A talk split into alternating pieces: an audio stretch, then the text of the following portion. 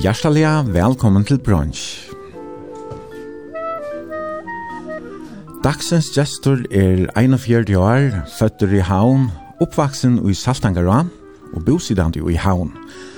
Han er utbyggven løggfrøyngar og starvast innan bitching og utbå tja landsversk. Velkommen til brunch, Olavur Johannesarsson Hansen. Takk for Eifen.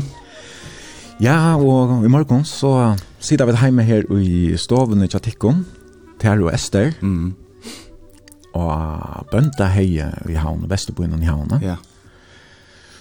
Og hese husene, ja, det er ikke rett i hus. Eller, kan, Nei, det kallas nemlig at tvoi hus, ofte han spyr, ta, jeg finner jo akkurat gjester, så sier jeg at det er alltid av større hus. Og sier, nei, vi døyer bare helt heltene. ja, men ja. men øyelig, øyelig, øyelig døylig, ljøs, åpen, øyelig funksjonell, trutjar hatter og femkømmer og ja, det är det er en ölja praktisk hus och pleier å ta till att vi brukar kvann fermeter av matriklen och av husen. Det är det är det är ordentligt døylig dåligt praktisk hus. Ja. Det man säger och här vid sida här är uppe ut i ett altså mm. köker och stova och här är äckliga gjøst, ja. luftet och kvitt vätcher, kvitt loft. Ja. gjøst gulv. Ja, la laminatgolv eller fra? Ja, det er så det aska. Altså vi kjøpte det brukt fra en uh, som är i bo her i Arren og det var Peter Gångsson lette bytja. Och ja, det är ordentligt, ordentlig deilig og deilig familiehus simpelthen. Og så har vi så sjålbygg garasje utanfor, og det er det är ett privilegium att att ha garage i färjorna kunna parkera bilen och ja jag vill ankan till det frosta bilen och kava bilen och så så. Och han hälsar dåliga väl, största väl och allt det där så det. Han er är efterspurdes ju hos ner alltid, ja. Är det det? Prusen er en kostnad. Jo, jo, prisen svärar för seg. att det er det är Det ja ja, det är det är ekvislet att komma in av pris uh, husamarknaden akkurat nu halvtid. Ja. ja. Det har vittnes och priserna om, men uh, det är här är otroligt dåligt att vara och sjönde Torsna kommun har ju och och landet självt till oss byggt skolor och där står och allt möjligt till och i Västerbotten och så. Mhm. Mm nekve pengar farner i i Vesterbojen, og det er mest just òsni og i mun hos folk vilja byggver og så videre. Ja, men ja. Så. Nu är jag uppvuxen i ett nere grannland. Ja, det. Ja, och jag minns det alltså som som smadronker. Vi var ofta här. Ta ja. la bil upphög här här och den. Ja. Och jag var ju sån där hus. Jag var onkel byggningar sån här byggningar som rastar för. Ja, till Peter Gångt. Yes. Han var där ta isne och han hade varit så. Det här vi som smadronker får ut att finna roer til kassabilene, eller så var det. Alla jag fått. Ja ja, så att man jo gjorde det da. Ja, det er simpelthen ikke her. Ikke Inte hus nu är Nu är det för oss. Ja, ja. Här är onkel granne jag kör med Östen som säger att han flott här till försten tog eh jag kvann. Ehm nej han säger nämligen att det var pur öppet. Det var så läckert som man sa så länkt och allt det där och nu alltså han är släkt kommer ju men så här allt bara försvann alltså som utsikt och så vidare. Så men Men uh, det det är stort lätt det är liksom det som man kan förvänta att man bor i en stor by att mm. ta det så ena för take digas så så blir det alltså byggt och yeah. ofta i ölja som man ösn ser alltså ta ta sker en sån rik Richtjon eller så så att att bitches hen. När är det till husen ifrån när blir det bitcha. I det heter det stora gärde som är ta bruna eh ta var det första och här faktiskt det sista man man byggt köpte i sen där. I halt det var ångstans här och i Och i 2004 eller 5 eller något sånt. Mine bestemt. Okay. Eh uh, kan være minst for chest. Det lät att det helt var i 2008 nu. Eh mm. uh, och his här stora ger det er helt nytt. Det er fra, fra Acha Nucha. Mm. Eh det som er her. Ja. Og min hus själva det er fra Nucha Tuch. Ok, og skört, ja. Så det er är rätt ja Nucha. Ja, ja, helt alt det där innanför Tuch så. Så allt poppar upp att det här är ju rymligt tatt med den husene, men alltså så har de uh, unga gardiner her inne. Nej, alltså och det det vi vill altså alltså det är något som är hade er en sån underlig at till det att eh är ju sån hackre mamma min, så tas ofta nekver syner här till fel lax vi sin föräldrar men eh eller mamma mammor kanskje, Det som er det der heima til okkon, mamma hei gardiner, og det bæger fra Sujunon og fra Jerva, eller så, så, så du hei faktisk bare så lite en så lytte sprekk, og en av dem åre valgte jo så å vaske seg gardiner. Ta fann jeg det akkurat, at vinter er faktisk vær. Så jeg, jeg finner jo sånn nå, jeg skal bare ikke ha gardiner, ja. Kona var på en av jag syns så jag att ah, vi ska få kon rullgardiner och faper och allt det där och jag nej. Så jag vill helst köra gitarr. Ett laxörs. Jag det håller inte ett laxör, men det är dejliga luftet och Det är akkurat det. Så man inte känner att jag fuck så gen och Nei, det er, til er synes det til, synes det en provokasjon, et eller annet oppmuntring til folk å være mer åpen, et eller annet så, til er, det er. Det er kanskje øysene og skjult agenter. Ja, ja, ja. Nå, men her bors til sammen vi kondene Ester. Ja. Og Trimon Bøtnan. Trimon Bøtnan, ja. Mm -hmm. Hei, ja, hva skom det i bøttene? Ja, så jeg har tve jenter og en, uh, en dronk. um, og uh, den eldste, eller Maria, spiller bass, hun er 18 år, og gonger av glaser, Och så er det han Sina som er 13. Hon uh, tek sørste året nu Santa Frans. Så för henne börja skolan av flöton. til hun ser man det ofärtliga spänt till. Och så är det att han, uh, han yngste sonen Sebastian som uh, är fem år. Och han ska börja i oppestoven nu at han har sommar han är så öliga spänt nu blir han den äldste i Badnagaren. Ja. ja, vad är gott alltså gott grannar lära gå och grannar gott yeah. sammanhalt och Det är mycket att vara eller gott för böten för så. Ja, vi har så hört alltså här i mitten uh, stitch jag mer och grannen Jens Christian. Här har vi den så här lilla götta som uh, till exempel är Jens Christian som har träckt liksom eh ja, träckt matriklarna sin mot kornören så folk kunde släppa genka fram vid. Det heter er Det er en gammel gøta, hein og Mikla tjekk nia trenda vi, og det er faktisk, det forbinder alle vi nian til, mm. til Ja, alltså ni antal ända ja, tajtis kyrkbevegen. Nu glömmer jag. Är så lokal. Velbasta veien. Välbasta vägen, yes. Så det är her er öle åpe uh, sier det så. Og spelplats er sånn at han här också er det Ja, her er vi avhandlende när. Vi tar mm. söker som vi røyner mennene på inte här vi vi den gamla byggningen cha cha Peter Gong. mm. Vi ska byggningen här. Och så är allt möjligt vödler och sjåan till skolan av flöten har ju massivt uh, just ett fantastiskt spelplats vid banan och korabelton och rennebrejt runt om skolan och så så ja som jag säger här här är jag skiljer väl att fullt timma kommer till till att uh, här är vi skla vi skla ja. er, och grannarna är då fantastiska Her er deilig å sitte hos vi i morgen, ja. og du har dekka vel oppe i morgen. Kanskje det kan han, Esther, jeg vet, hun, hun har alltid forrett øren til akkurat. Ja, ja, hun får avvidja sist om at hun kommer her faktisk, ja. Så. Men omkring at det kunne være breivist noen i morgen, så ikke ja. er, er dekka vel oppe i alle mulige lekkene gåen. Døtteren kommer byrja i arbeid av breivist noen, og så fikk jeg egen opp fire, fire, fire tog, og jeg må bare si at uh, heter er, uh, sier, ordentlig bækka i bollene, alltså på den måten at det er är toppen och sånt bräntor och låkust og så att jag jag har inte fettla mig öliga väl Jeg har jag de är utrolig väl så breiene som det gjør när ordentlig. du har ikke prøvd språs bandarer og alt det der enn, men det kommer jo ganske til mitt och sang. ja det kan være. ja ja og du som sitter her hjemme og lort der, du burde ju snart filter på koppen og heit om kokande vattnet, mm. hvis du drekker te eller kaffe eller akkurat at vi får sitte og prate om noen nå mm. i nästan tvær timmar. Ja, det var rätt speciellt. Og, ja, vi får prata om uh, mängd och kvært. Ja. Och så får vi så sagt, att som spelar tone like och tone like är något som um, fyller noe i løvene, så det her, nå tog seg om döttrarna och du nämnde som det första hon spelade bass, mm. den äldsta. uh, och du spiller Essen tone like och synker. Ja. Jag spelar gitarr och elgitarr och klaver och ja, och och synger nek, uh, løyer nek sang Och ta ta ta ju ta fyller øljan eg eh sier det så is. Musikkur är alla det fra största i just nu så. Och så seinast nästan är du om allt hon lag. Där kan man onkel känna rätt natter. Ja. Det är det. Det var alltså någon tal i fyrspån på Facebook och stort som ting komma och i och i lä ofta ne att det var ett spontant oppslag at jeg hittar ikke noe av Facebook men helt okej, hatt det var stort litt, Jag får prova vita, jeg får köra. För jag ikke chans att släppa in här. Men jeg ble så, eller du spurte meg så, og jeg halte at det var virkelig gjevende at være, være vi her, og, og helt sikkert en, en høyere, eller jeg slipper at det er. Det er virkelig skrik. Så du lykker vel til deg. Vi er veldig glad for at jeg har haft det vi kosver. Ja, som løs.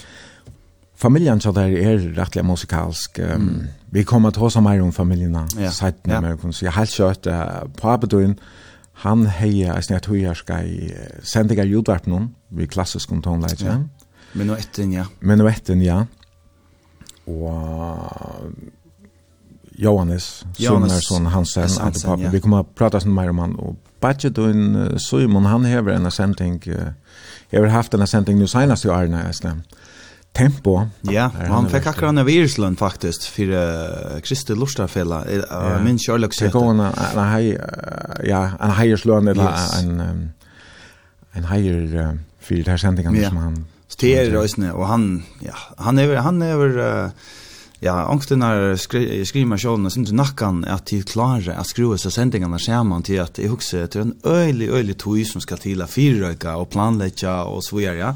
Man ska aldrig bränna. Eh, man ska vara en särlig stöpning ju för jag klarar det till det till att det kräver något samskipande kära Innehåll som man Ja. Länka lustar, va? Helt säkert. Så här håller alltid ofta tonlägga sändningar vi runt om ja. Man helt man kan bara för in och så spela och då se och men men det tar faktiskt länka tog jag fyra kan tonlägga sändning. Ja, men alltså han har haft förskälle Johnny Cash var en sändning som var öliga populär och ta här la nek ranking och ut honom simpelthen för in och läsa okej kvärt kvärt ville fortälja lustarna och så valde han nek och brukte fruktliga något att fyra så.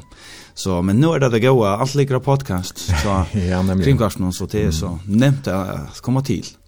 Tid ger är en tone like Sam han skriver att hon like two sinker och vi får att höra en sank ni sentens nästan som han vill vilja skriva som vi vet hit i följer nästan. Ja. Sen han står ära och ära i nästan vi. Ja. Till samband vid Teen Street. Ja, det passar. Kom att prata syndrom. Ja. Og um, så synker du eisne i Koron uh, ja. eller hever sånn, jeg vet ikke hvordan jeg tenker akkurat løtene, men... Uh. Jo, jeg, altså kan man si at jeg blir jeg, så ordentlig av i Koron, det er heter United Voices, som var nok snakk fremme til i 2000, jeg får inn her, eh, så er vi flotte nyer på ikke, og så, så får jeg faktisk inn som en sånn avløsere til Nord, mm -hmm. og her prøver man så først for ordentlig at jeg synes jo en kore, som, ja, ja, som, som er større og så vidare. Nå er det så, Eh, gengjul i samkomne i Lutene i Høyvik, eh 108 for Paradise, da må det vel si, jeg vet ikke Jeg vet ikke hvor populært det er, men for åkken er det bare i havn, for åkken bygda folk, vanlige.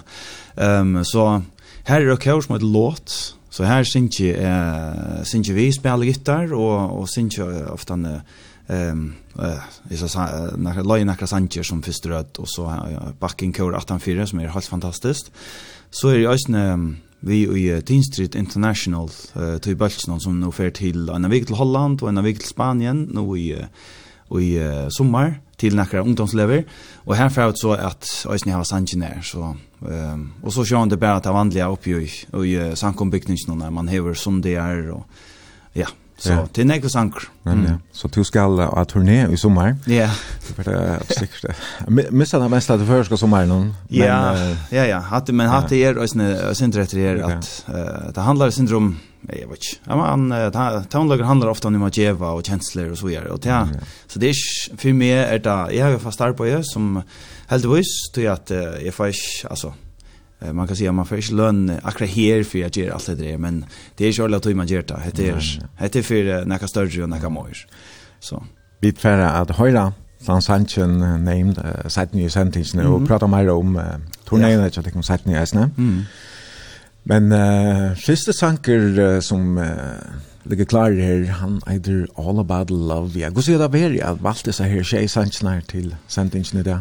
Ja, jeg ble jo sånn pressa på tannmatan at uh, det enda vi at, at jeg liksom, ui en handavending liksom skulle finna fram til tjej sanger, og det ser jeg tro på til at uh, vi, vi tog mange av og lusta, til, lusta etter, så ble det, så ble det avbjørende, men uh, hese tjej sanger er liksom det som poppar jo opp, sier det så is. Uh, jeg kunne valgt nekv tja ötlandes ner konstnären och sjåande men all about love blev liksom a sort ja men det ni läge att uh, man vånar att bäge kärleks för löve att det är näka som är ett mest av av viring och kärleka och men ösen bara att höjme är mest av att vara uppe och och fyllt av kärleka och så gör ha? Så det var liksom jag tog ju alltid hans handjin till Stephen Curtis Chapman. Stephen Curtis Chapman um, kvar är han Han er ein gitar urmalingur uh, som hevur valt. Han er, han han har alltid spalt akustiskan gitar og spelar uh, øyli ofta i ørvese stemningar, altså han sier han stemmer gitaren ørvese eh uh, utat eller drop det eller hva han gjør så han brukar rally nek til han tog blir tonelagen John blir alltid og med eller kort skor nok så nok så ljøsor og popotur Eh och det är bara något som fänkar i mig att det är gitarr ljove ordliga så man mm. förnämmer ölja toilet Sanchen är ju han inte handlar om rytm och handlar om gitarrlja och så kommer hit om man då eller så. En som du lust efter lunch. Ja, ja. det är helt från helt från 4.5 3.5. Ja. Så hade väl den först för lust efter om att ta Zoom Simon Bodgen han skulle till Afrika vid Dullos alltså missionsskip eller liknande näka så spurte han om jag kunde täcka alla sete i nationen 300 laxer på band. Så han är ju flowspelare nu så okej. Okay. Hade var en pastor att ja, men uh, vi har altså Stephen Curtis Chapman og All About Love som første sang i morgen. Og så kan jeg minne nå, vi sendte altså beinleis Og det blir til at senda vimerkningar, spurningar til helsaner av sms-kipan 22400. Du kan lesen ferna Facebook, finna brunch av Facebook, der stavas B-R-O-N-S-J, og senda kom på her. We got CDs, tapes and videos, radio and TV shows, conferences, retreats and seminars. We got books and magazines to read on everything from A to Z and a web to surf from anywhere we are. But I hope with all this information buzzing through our brains and we will not let our hearts forget the most important thing is love.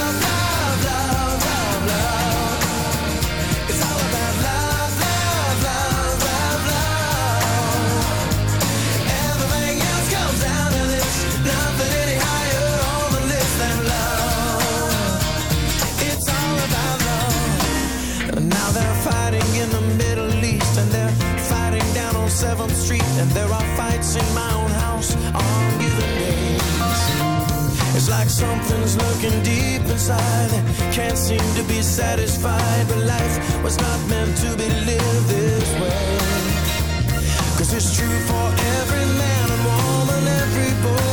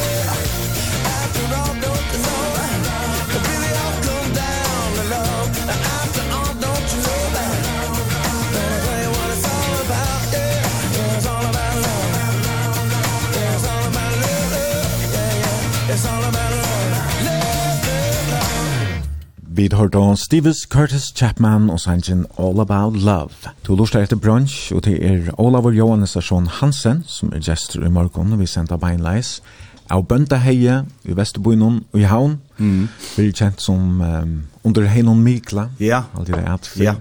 Ja, faktisk det at jeg flott inn i, så var jeg skras etter alle veien rundt i kommunen og til allmenna, så, så var adressen alltid imisk, Bøndaheie 22, eller Heinon Mikla 22. Mm. Så jeg spurte jo til uh, omkvarstående, hver, hver bygg vi er, så, så mitt jeg, så kom jeg ut der opp. Ja. Men du erst annars... Uh, Rona vi skjenker han, oppvaksen i Saltangaran. Saltangaran, ja. Fötter i havn allugal? Ja, ja. Det var vanligt ta eller gata. Ja, ja. Det jag jag vet man nej halt chip man fan klaxviga så ska man dick nåt mer så. Nej, det var fötter i havn och uppvuxen i Saltangra. Ja, ska vi nu andra fors fötter. Ja. ja. Og Saltangar og Romavøk for okkon uh, havnafolk er det som det er same same. Men ja, ja, det... Men jeg tenker det er det veldig området at Så jag salt några i Kiruna. Ja, ta blue stås. Ta blue som Arja Falk och ser innan för ringvin ordliga havnaskinga, havnamöver och ja, förskäls har ta ett samma rute till det är alltid det salta för lampa och under gött och och skipanes till skipanes är tvärbikter och istället till under gött och skip. Ja, det blir så öliga lokalt. Så, ja. Men är, jo, Saltangra, jag alltid just Saltangra är ett öliga pent byggt annan. Så tog jag det, tog jag det här viktigt att hålla fast vid. Mm. Og Saltangar, det er, altså, er, er det ikke den her i Ronavik nærmest? Det er faktisk, uh, jo, ta, selv om det er, eller ringt av stedsetta på i Ronavik, men uh, jo, det er mye økjæpa. Downtown, Ronavik. Ja, det er alt det kai økje, høves kai økje, ja. som lynfrosla og forskjell, så, ja. Mm. Foreldren der. Ja. Vi tås oss en trom, uh, pappa din Janne, mm. uh, Johannes, som ja. er sånn Hansen, uh, mamma din, Seon. Ja. Hva kan du fortelle om henne? Nei, mamma, hon, hon er døtter Olav Gregersen og Marie Gregersen, og oppvaksen i Syrigutta, og, og kan man si, papen tja, papen tja mamma er så Olav, han, han var liksom en universitetar av, av en ærer ver, Och började som uh, han gjør alt mulig, för så ivrig at, uh, så helt stort för började kvar taxabil og så för det flottet att sig sin ivrig at uh, gjør göra kvar det så til Paul Mikkelsen vi har en värbil och sporde Paul Mikkelsen to, kan jeg, kan jeg fylla bilen og betala ta jag kommer åter och har selt alt, og så är ångsvekna i tärn charmerande server så er byrja jeg, började jeg, kan man säga karriären tja honom som som sålde med på på Sundboys och här Sean det flöjde ni axer hvis man spurte alla greker som man så så kan han utfylla ölja nek så på här point men uh, jo så så så Abbe och og så mamma må inte altså hon är väl van vid ölja nek aktiviteter och hon visste så Abbe eller Abbe mun han då just jag blev fötter Og sjående vi, vi nå finner jo alt mulig annet, så skal man liksom finne det av, og jeg mynte meg til henne at hva skal vi gjøre nå? Hon valde så att ta i i åt för snutt för sig affära att läsa till uh, lacknadskrivare. Så hon är väl lacknadskrivare i uh, landsjukhusen nu så han jag tar jag först jag främst någon. Okej. Okay. Så det är det är och bo i ha arbete i hamn. Ja. Och kan gör du pop den isen ja så arbete i hamn. Ja, pop här arbete i Bank Nordic eh eller Färja banka som där vet jag. Halt inte han i nära tog ju showen bankan, men uh, Färja banka lærte og arbeidde her, nek var, eh for så arbeid i uh, i Suresberg som som delta. Og eh uh, sønnen så Arne han faktisk bare være eller bare han er jo vært eh vikar lærare i Sundalanen og så har han østne til til til et arbeid men altså han han spelar Nick Edel Simon och ja. liksom kommer vi är nere friska inslärna eller så så till och till liksom vara det berg och hjärta mal argen men så halt det play simpelthen sett då gjort han okej så han får ut og spela klaver Edel Simon ja ja ja och stort och halsar på folk och så vidare och det är ju nästan som han alltid utgjørst helt fra jeg var helt løytel og lærte meg å spille gitar, så han trasset meg via et eller at uh, helst på folk. Ja. Så det er Johannes Simonarson Hansen, eisen kjente som Johannes S. Hansen, yeah. aldri man sier ofte at han annonserer i sendingen der. Yes, det er alltid S. Hansen. Han er av Tofton, eller hva? Han er, ja, altså Simon Abbi, han, uh, han er, uh, han var av Tofton, uh, Toneslanden, uh, og det er, det er, det er, var jo Hansen Arend, det ble Tone som jeg har skilt, så, og nå er jo Simon, altså Abbi Moin, pape, pape, pappa, pappa han uh, han flott av Myrna och i uh, bara inte vid Toftavatten. Ta sa jag pappa var helt lite och och de hade så sån uppväxt här vid Toftavatten och på gott och ilt här här var det här några tragedier och snär på inte vid Toftavatten. Drunge drunge drukna och en affär ta och i när det här är altruschen och truschen i min kjörle att tale. Jag tror inte drunge från Tofton som som kan man säga som drukna här det var en fläcka. Ja, okej. Okay. Så, så där och här är så här är det det är ju ofta en eller några dramatiska händingar ofta när jag ser eh ta. Ja. Det är väl ehm jag ringte upp som är ångsväckna men ja så men ju så han bo han bo sin första år här point och så flyttade de uh, faktiskt till uh, kan man säga till uh, Jersey. Och det är liksom point vi att grow på där som bonus är. Och han är så han är så flott där i mitten arbetsbankamör i i Göteborg och i Larvik och för för så havnar till mamma liksom för arbete han så halt han börjar just nu. Så det var kors ser man öll arne och ankte spyrje hur hur det är klart efter det till TV transport och på Ja, hur snack för en fjärde fjärde timmar om månaderna bara köra. Ja. Eh och det blir ofta när det till så tydligt man har alla världens problem när av tillhavnar och av hemmater. Jag vet inte om det finner att det av tillhavnar så löser det av en hemmater luxury. Så det är alltid vi sörst. Det är alltså man vänner sig kött vi att man har syns det av transport till ja ja ja. Först och till Danmark så det är helt vanligt. Ja, han tog mig. Fast kör en uppe två timmar kan vägen nästan att lägga så i färjan så känns det blev mer än ett kvarter så halta fast att det Ja, allt det målet till landsfisk är atlantiska i 2035 och nå till havnar på en halv timme eller så. Så det är ambitionen i hög, det är helt säkert. Ja. Tu är yngst av Simon Sistjona. Ja. Och så Simon uh, Staurbadje är äldst. Ja. Och så har det den här syster Ja. Och det är liksom vinkonan eller som man kallar det där så är El Maria vi som är äldsta äldre systern.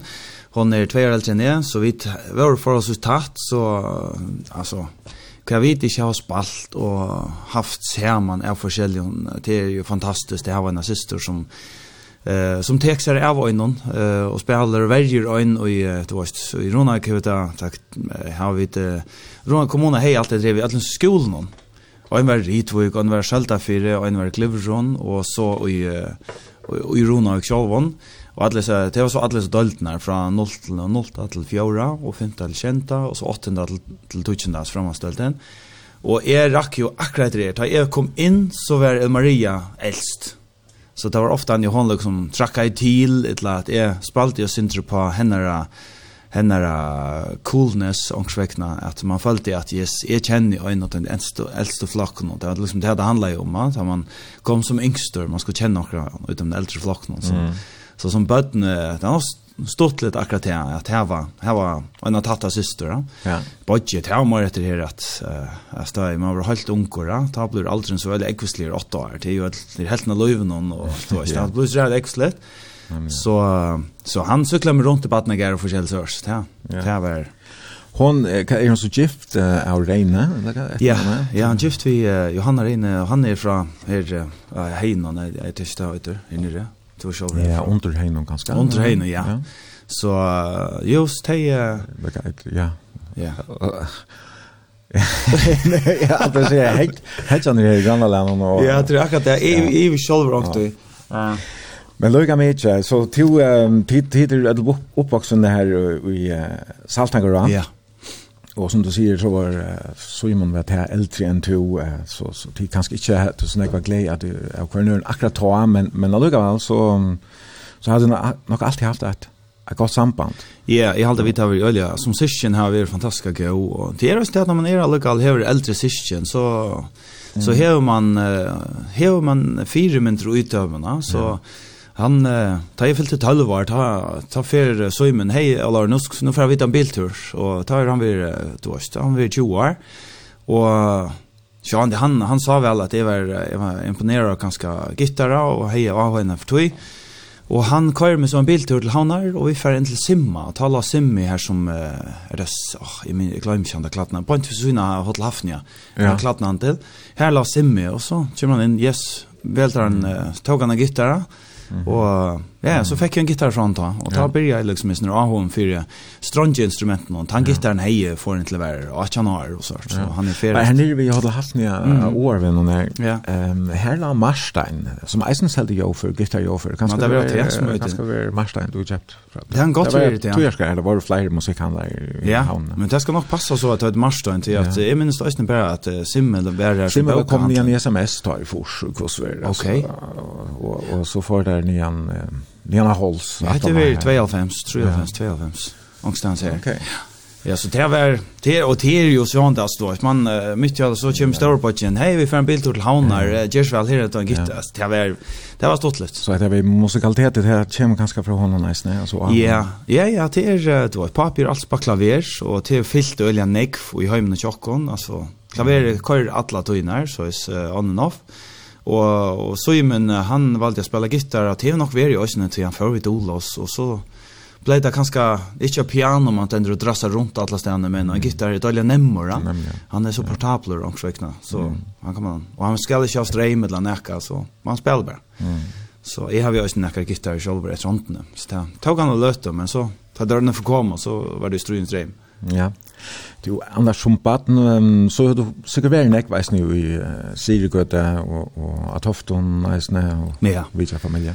Ja, altså, Torskis heter familien her ute i Nese, det var vært øyla stortlig, det er jo, altså, det er, det var bøndaverse med, det var sier nekk for vi at uh, for fjall og nekk vi hodja og så videre, ja.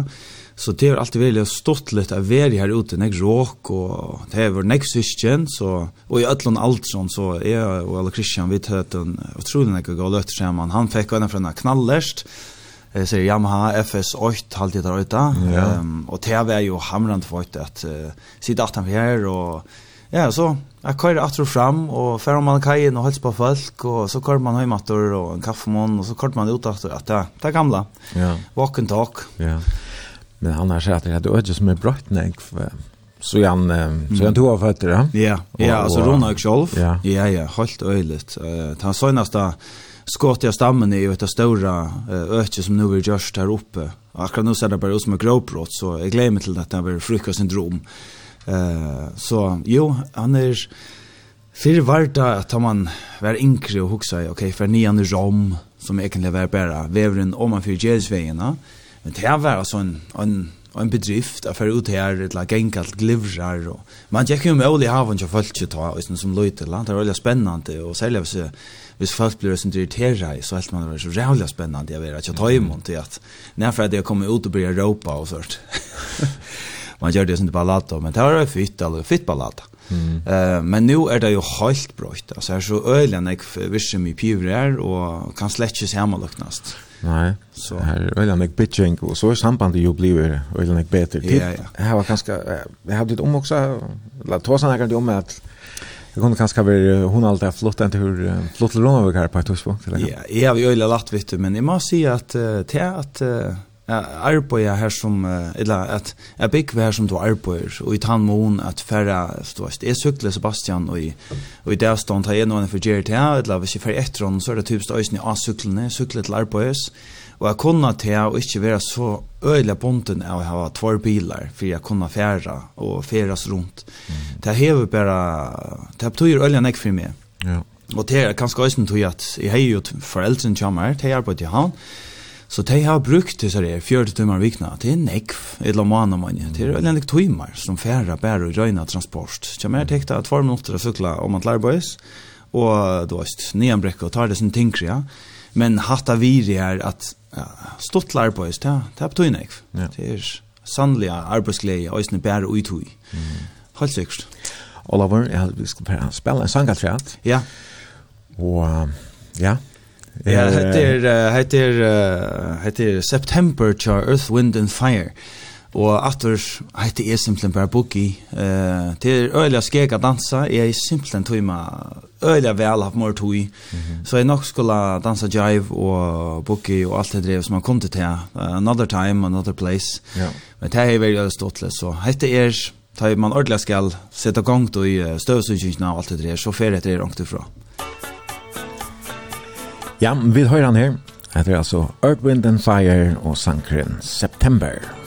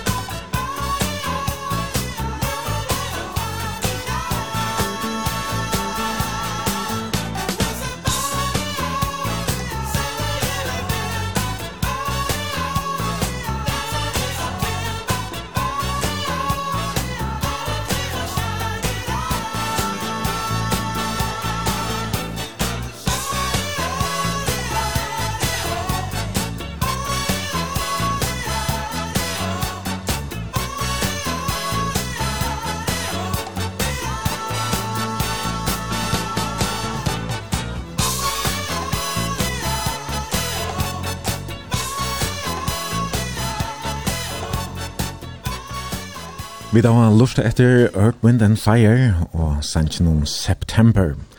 Og det er Olavur Johannes Arsson Hansen som er gestor i brunch i morgen og vel mm. tonelagen.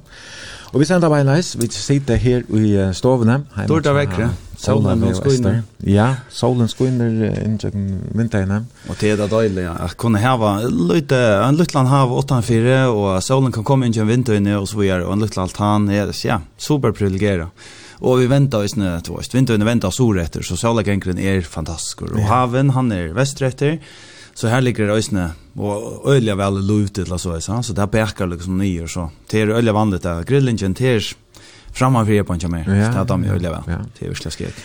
Ja, ja, og til som lort er, er velkommen å sende dere vimerstinger, spurningar, la helsaner av 32400, eller en bedre ferden av Facebook-synet til brunch, stavast B-R-O-N-S-J, så kan du dama sendingsna, og du kan leisne skriva til okken her. Mm.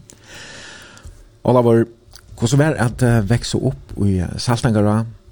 Um, Sjåan det, at alltid alle, alle som vokste opp i Forsen som bøten, de høyde hun ikke vettere at, uh, altså, de minnes det at, uh, at um, initiativ, ångsvekkene vil det sagt, til at genga og mela og finna, finna spjallet her som man øyne for enda, ja. Jeg vet da en gærer, eller ut i høy græsnen, eller Nintendo Furtrush og bare ta fyrsta Nintendo, Commodore Furtrush og vi tatt Amiga 500, forskjellig sørt hotøk uh, bandottekere, uh, tonelager på tammatan, um, uh, ta halvt jeg selv at det var preke om man, man spalte nek seman og det er viktig at uh, av vass og synder rundt og synder selv, finne på ting, Ehm jag mer var där sälja alltså i hejan en en granna och en som heter Hans Karl och Olle och här var nekva dronjer som vi vi spalt och öliga nekva samman och ja eh Marla minne boldraslir ösne ehm Och det här, det här skiftet sånt jag synter tar man rakt jag ser halvfemsen när här krisen kom här flotte nekva fram vi vinner flott faktiskt land någon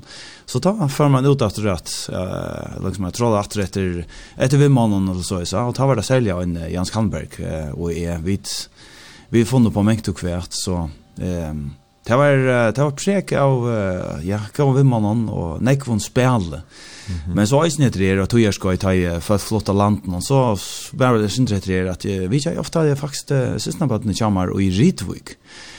Og det var sånn spesielt. Mamma og jeg arbeidde jo i havn, så man valgte simpelthen bare å på en fjall. Så det var, for å komme til Ritviggar, så var ikke rann jeg gjerne enn at uh, for alle ganger, og det tok uh, 5-4 minutter og en time, så, så var man utenfor ikke tøymen, så kom foreldrene etter, etter meg om, om kveld så skulle man helst rinja æren og avtale om å komme, eller hva? Jeg spurte bare, ja, ja, det er akkurat vårt. Er ditt heima? Ja, ja, vi er heima. Og ta var han til Ritvik og alt mulig. Så hei man en fem kroner, så fikk man i, i nevan av bombe. Så det var, jeg synes rørelse, og morgen, det var ikke det. Jeg tog slett ikke uimynda mer, altså, hei man haft det som man hever det, uh, vi uh, ötlensnin dingeldaren och eller vi uh, tekniken och så vidare, alltså det var, det var nog så lycka till eller så. Ska, Men twin generation är nog väldigt, jag lukar han första som är byrjar på det, du nämnde Commodore ja. förut, alltså det var ju förläparen till PlayStation ja, ja. och ja, kan kan annars äta det för själva. Ja ja, till akkurat det och men så det tog han är vi att uh, låta his spölen in i tälten när det heter bandupptäck band ja. Eller så kassettband som du brukte eller ja. Yes, och så fick man då så blev det ment och i uh, ta först av 15 till att man kunde spåla uh, låtingarna så man fick en spåla funktion så man låta okay. i dubbel så kött. Men det kan ha en tøyma til en tøyma, og ta, ta var det ofta ned til, man får lukke ut og spela sin basketball, eller krig blunta, etla røy politi, etla spela eller kan man skakk, eller talv. Så det, det var liksom, det var, det var veldig fotor i på tamatan altså. Ja, det var en aktiviteter. Mest ute, men, eller kan det? Ja, öle øyelig enn ute. Ehm klintra och nekver og i førre telebygningen och på en igen och så brukte det ofta när nekver tøy på att jag rörna kom på tätje och så tar det ut just och sen två två trusja meter hur en av skärming av is ner eh telemastren som är där men vi klintrar ju upp på tätje och så gick vi det som banan upp på mastrarna och så klintrar vi för på toppen mm. Jag bjöd inte vara bara till hemma, så så rälliga väl tar vi var här uppe. Det har också vi inte om, men så ena förna så minns det jag papi han åpenbart när han ser akkurat et langt ett långt ringt land. Han kommer køyrande, og da visste jag bare hva klockan var slien. Så det var bara kjøtt nye ratter. Så är det inte gav mig bättre ett fyllt för. Det var ett, det var ena kasserlet där klintro på en liktapella och så hänger uppe i ovast och och spela bort men men man huxar ju om konsekvenser alltså simpelthen man levde i över och Jag klintra upp efter en uh, gråbrott, eller på en lyktapella. Ja, så han kommer ner att. Mm. Men uh, man också säger ju om man kanske för sentande ner efter. Nej, men ja, hur man kommer ner efter. Ja, det där. Men uh, men det har sett om det väl så som som som var uh, ja Jag vet inte man kan säga att det var sån det kullaste eller så som var för boy eller kan men, men kanske så som det, det visste ju väl att det inte Ja ja ja det var det var det var en sort Jag vet inte, alltså det är ganska, man söker som böten, rör man alla det, söker några grönser och prövar några ting av. Mm. Uh, hvis man gjør plum og tar rikka i fyrste fyr, ja, vi må lukka gjøre sånn det ekvisligere inntil anker, eh, du var halvvekna fyr smilter, eller så, ah, ja, ok, her var grøntsana. Mm. Uh, så, men next, alltså next hört vi, også når finna minst hadde jeg gjør det, verande konksound så var øysene så prosjekt tjokken. Det er alltid øyne prosjektbasera i vår sommer til dem, så, så, så var det noe dung, altså noe rikver av gråte og skjerve og så videre. Vi vet akkurat finnet jeg fjallasukler, og så også har funnet, hva skal vi fære bytte en rasarabane her nere? Og det var å gjøre, du vet, holder i veien, og en særlig gøtt, og, og uthokset døyla og teknokks nyer, og Og så bygde man og bygde vi spekon og drassa i alt middelen himmeljør fra kajøkken og inn og heter her Kongshavn. Og ta jeg så inn for prosjektet var liot, så alltså det var tvart tre idéer så cyklar vi. Nej, heter for rått. Så vad er nästa prosjekt. Det er jag väl att göra banen. Simpelthen och det jag vant till høyre man oss veldig ofta alltså det det stått det att göra och framlägga detta projektet och så vidare och så tar det gjørst, så ja gott så får vi göra.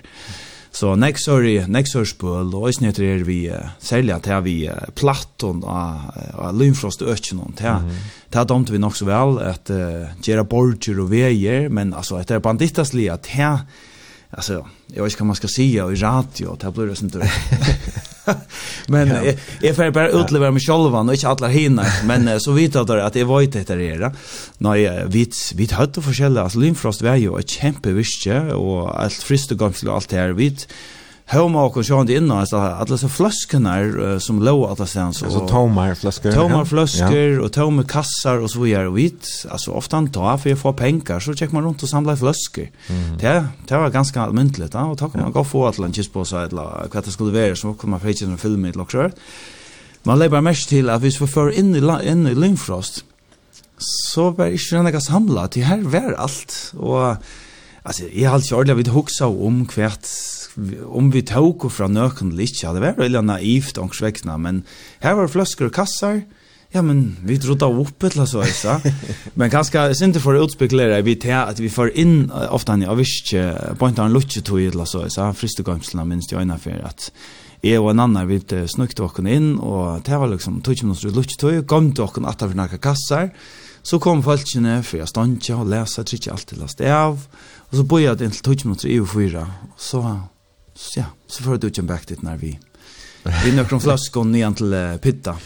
ja, men ok, men altså, kom det jo være ferdig litt, hvis nå du hadde funnet på gøyplikten i fristerom noen loksjon? Ja, jeg tar slett ikke hoks om de tingene som kunne hent visse, du vet, det spør. Øysen heter jeg Krekk Blomta, nye noen, Det var ganske myndelig. Vi gav ikke okken altså i, i dekken, noen, ute i sujene av kajene, altså. Det er her det var best å gøymas. Ja. Så Sean det kom till man här inne i däcken hon och vi kör. ja. Vi kör på åter kom till ett la och spär alltså det här ja, allt chip man är väl spalt farligt men det var gott att föräldrarna inte visste. Ja, nu nu halt jag till mig rätt det man föräldrarna de filcha vi kvarje sekund och de vet allt i kvar botten ner va. Ja ja ja. Det var det pura jörlet alltså pappa han uh, lägger stora och här slå i skuld alltså rinja och se fra och kvar det vär och allt det där men det är vi må la minne suksess at man myntes til akkurat ja. rinja hver man får og hver man vær og så videre, ja. Så, så Lynfrost var uh, et, et, ett störst spelplats så det har men så så har du fortalt meg att det en platta väsna fiska soil i Lötvanne. Ja, det var Jeg var jeg var shortly at det det var ölen next soil ta minnes det særlig jeg ser sommerholven her og så videre, men ösnen vet jag nog det när. Uh, Gavar kommer till var og så var man her att fänka Eh sälja är och är och en en Jens Kannenberg kvar i platta att göra neckbush ur tog. Eh och man vill spann och en klope och så vart det Det var ordentligt att känslan av att att tojen försvann. Hon var ju hon var till och man levde ju sig anne och man kom att känna eh kvön stoin och kvön krok och i, i löchan och ta vi börjar typst för ner ner vi Sjamalan och arbeta och kunna alla med ner tofta vattna Och så var det det då man nej hänga fänga skylden och så ber allt hemmatter och mm. och han kör Jens Kanderberg han var han var nog festlig på pappa och på tammattan till igen och så att han han det hade då en garage och åter här var den stora fyra månader han ryckade i ett uh, störst fiskekär till för tonsakär. Så vi hade då 1000 liter av vatten och här här kom det vi så till största soilen och hade åkra lilla egna akvarium så jo ölja Øyla nekv, øyla nekv forskjellig så små, små ting og spel som man fann på. Det var, det var stått litt. Mm. Ja. Du gikk altså i skolor i Lidevøk. Ja. Som du nevnte så var det fyra skoler. Ja? Mm. Og, og det første årene, Badnaskolen, han var, var så i Lidevøk. Ja. Hver, de bøttene kom de fra Ødlen Ødlen her var Ødlen. Ja, jeg halte, jeg halte ångs vekna man at uh, skola skipan bort uh, ronaisna opp i helt til Loksjørt, så helt en før til Rydvigar og helt en før til Søldafjøra gengur badnaskolan. Uh, og så, um, og Ritvikar skole, det vær uh, Følker Ervik og Sjøndi og Ritvik og så uh, Saltangar og Ronaik som uh, var her point. Uh, Eh och det det är ju fantastiskt. Alltså det är folk som man känner väl än och näck vi då en öliga lokal big var i i Rona och så med ankrer. Jag har alltid ankrer i havn och så är så. Så det är ju otroligt. En otroligt går flockor och jag minns det ännu efter det man för alltså kan man säga eh oj kan det ta ett nomsfär så tar vi för sett skola. Försäljer så festligt av er man ja rocksar runt och Sean det som uh, alltså ja som spöl och efter det att man har sig upp att göra dövrar och finna på ting och så att man var sist skola. Det var mm. att det var en stottlig stottlig flockor. Och var en flockor som fylldes att lära alltså i yeah. femte flocken så yeah. så får det uh, att glivra skola igen. Ja. Ja. Och det var samma flockor som bara flott. Faktiskt ja. Så så mycket la minne samma flockor och sintra utskiftning var och det var Jag tror det är stort lite östen där man häver en sån samlar en flock och så så ger man forskjelligt då. det är rätt så vem man böten och spalta krappa spel och allt det där gonchen och så vidare men så flott man klivrar och och heter det att det var han sen flockren men i mitten så kommer det så lite eh kan man säga ett eh onkur eiga nærmikur ett långt för ur, onkur annar kommer in och så, men i stora mån vart att han sam flokkeren, men sjön det har alltid stått lit ta nu nærmikur kom till och bjöd dem välkomna och så där det var, jo, det var, det var øyla stått, og ja, så mm. vi går flokk, ja. Så at han har glivra skola, så ble det Rønnager ja. skole. Og, så så sjående i Badneskolan, for å lykke at foreldrene for Nil Danmarskar lesa i et år. Arbeid, pappa arbeid i banka, og mamma les til uh, laknaskriver. Så ta han tjekke lykke i ørenflotje. Tjekke faktisk da i uh, Fredriksbergskålet, av Nylandsvei. Så... Um, Så det var det var sort. Ta för mängden lärt man dansk så att så är det. Det var nog så nog så speciellt till att ett och tio då danskonst. Det var bara börja i i en flotche och ja ja. Så att när två tre månader så så dot man dansk. Mm Så minns man fick forskjellige spårningar. Minns väl situationerna att det svärar bara ja och nej. Ja, nej Och han är sportstockers. Ja, ja. Var um, systern kallar vi nere i Sna systern hur så är det vet du. Så man nästan. Så men jo och han tog och så halt han fick han han tog bara out Jag vet inte minst inte ordentligt om det var eh till jollar ett långt han hej du sista examen och bara för hem han får det sin för hem och bo faktiskt i Karlomo eh om när här i grannatun i alltid eh han då han, han ju öliga väl att bara ja gott det finnas slän när han pratar här. Alltid han han vill inte gärna släppa hem tvärjar och och vinnar och sörtas det var ja det är alltid vi gång till hon. Så det så ja så det han, han vill gärna släppa långt stå hemma efter men så då Nej, jag, vet inte om jag... Trash väl med det. Ja, som personer är det alltid att Det blir bara som till det här som jag är i, jag trivs det omkring. Så, och det är snedigt åt alla som är en vilt. Nu, Jeg har en gav vimman Niklas, som jeg tjekker klassa sammen vi nirre, og så grannen kommer Eibjørg, så sitter vi til å snakke om Nylandsvei, så sier hun, ja, jeg har vi et, jeg halte det av sistnabat, som bor, som bor i Lyvei, som er bort for Søyner, så forteller hun, han har faktisk Niklas, Så det var snett Ja, ja, en drama vi mer kommer. Han har ett oss Niklas. Han bor ju här och gästen här blocken hon och det var ju örn uppgänge första till högra. Och det var snitt. Måste snart vara mer på oss ni här. Och så eh var kom Niklas Alberts hem till Sanka Brittlopp att när så korontyna satt ner i Panama och nu sände det en mynte på Hej du, hur snär klasskamrat här för från Örnflotcha. Han lät lika hälsa. Alltså det är alltså i mitten är det också pussigt hur vi öll är och angstväckna tvånen ser man eh och pass ner till matar. Ja ja. Så nu mitt jag nu har jag finns samband att vi inte ner för örnflotje och ja så det är helt speciellt. Han är brötter sen. Ja. Ja. Nå, men ehm alla vår jag hade visst spela en en sankatriat. Mhm.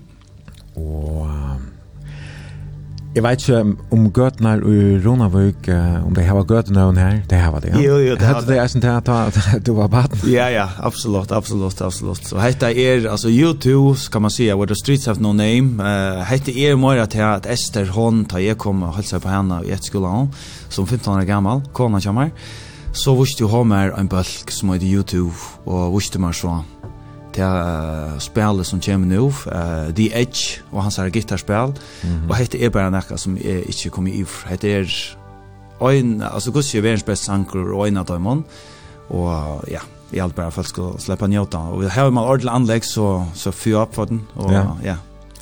Nemlig, og vi får prata mer om hvordan tid møttes av etter skola, langt som 14 og 15 år gammel, og mm. ja, er sammen inn. Ja. Da venter vi dette til at han har vi da har denne her sanchen. Fantastisk. Og så vil jeg en annen ferie med nå at du er velkommen å sende en spurning, en helsan til en vimersning av 2400, eller Facebook-synet som heter Brunch, stavast B-R-O-N-S-J.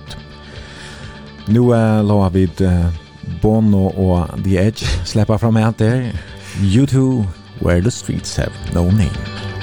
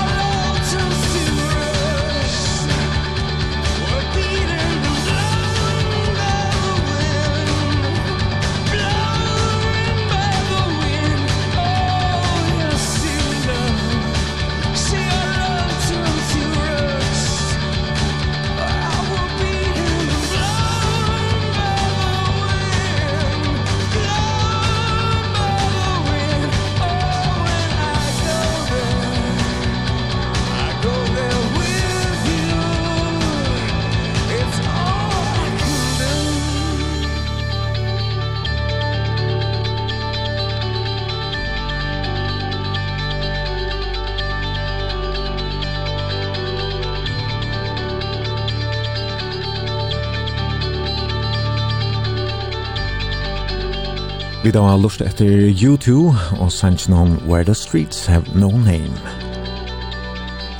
Og det er Oliver Johannes Arsson Hansen, som er gestor i bransjen morgon, og som vil tonleggen, og vi sender beinleis. Jeg bønda hei i Vesterbyen og Nihavn, sier det her i Heite Jose Stovene tja Olavi og Ester. Ja, fantastisk. Njóta en lekkran brunch, og hun åker ned i solen, hun skuiner, hun, hun hittar åkken. Ja, jeg blir rett jeg høyt der inne. Jeg halte... Ja, nu jag var faktiskt akkurat köpte batterier till uh, så uh, hitta bratten i Chammar men uh, kom hem så jag måste valta för testa batterier och något haft för några nerver. Termostatan är Ja, okej, ja, ja, så att det. Du kan jag kan inte be dig hålla gardiner för det. Nej, jag kan det. Jag det. Men det är vant helt sig just då nästan. Det alltså är älskar att det är ett ordentligt skarpa ljus och så det är det är fantastiskt att det är förjar bröder hem alltså nu tar ju sommarhalvan ordentligt börjar så långt det där över norska stånarna det är det är det bästa och det är det som är sin rätt jag har det ödligt ambivalent om man fer av landet och, och juli manna och i august augusti så det är sin rätt man man gläds till ljusar tojer och så stink man av Mm. alltså ja så är är sklemet landet för man för räfest rätt och bara helt fair Fer med Leon Nutjar Lockshire så som fer man också där som det görs långt veck och sen. Känner onklans bara stinker till Australien. Mm. Här så tog så eh tar jag halt Nästa år så kan du göra det. Ja, det är Jag är till för sent. Ja, jag är för sent. Jag är värda för helt annat. Ja. Vi alla var um, här kom när några vi människor i samband vi uh, to fortalt att ta to år. 12 år gammal. Ja. Då fick du en gitarr från ja. Simon. Mm. Stora Bajan. Ja. Och to uh, nämnt uh, musikhandel Simma och kvar han vi tar oss en ungefär han la och så. Ja, nettopp.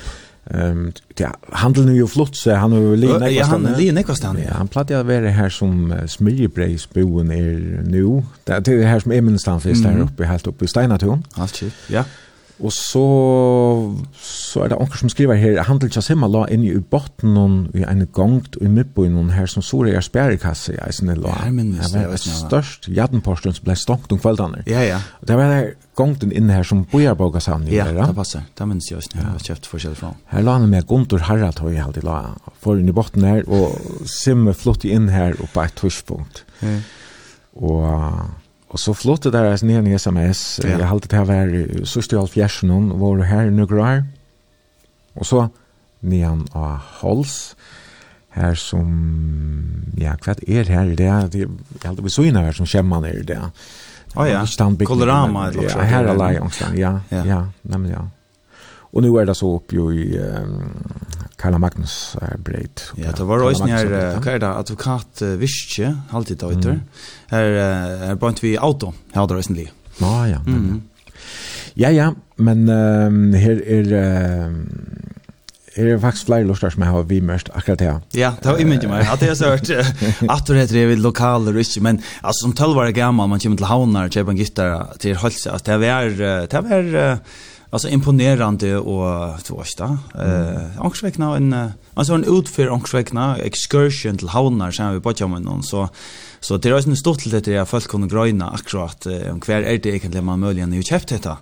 Eh och för mig hur det bara vara Alltså jag minns jag har alltid minns bara simma som hur sålt instrumenter men så var det elding och tojarskoj som jag ha gitarr och så gör ja.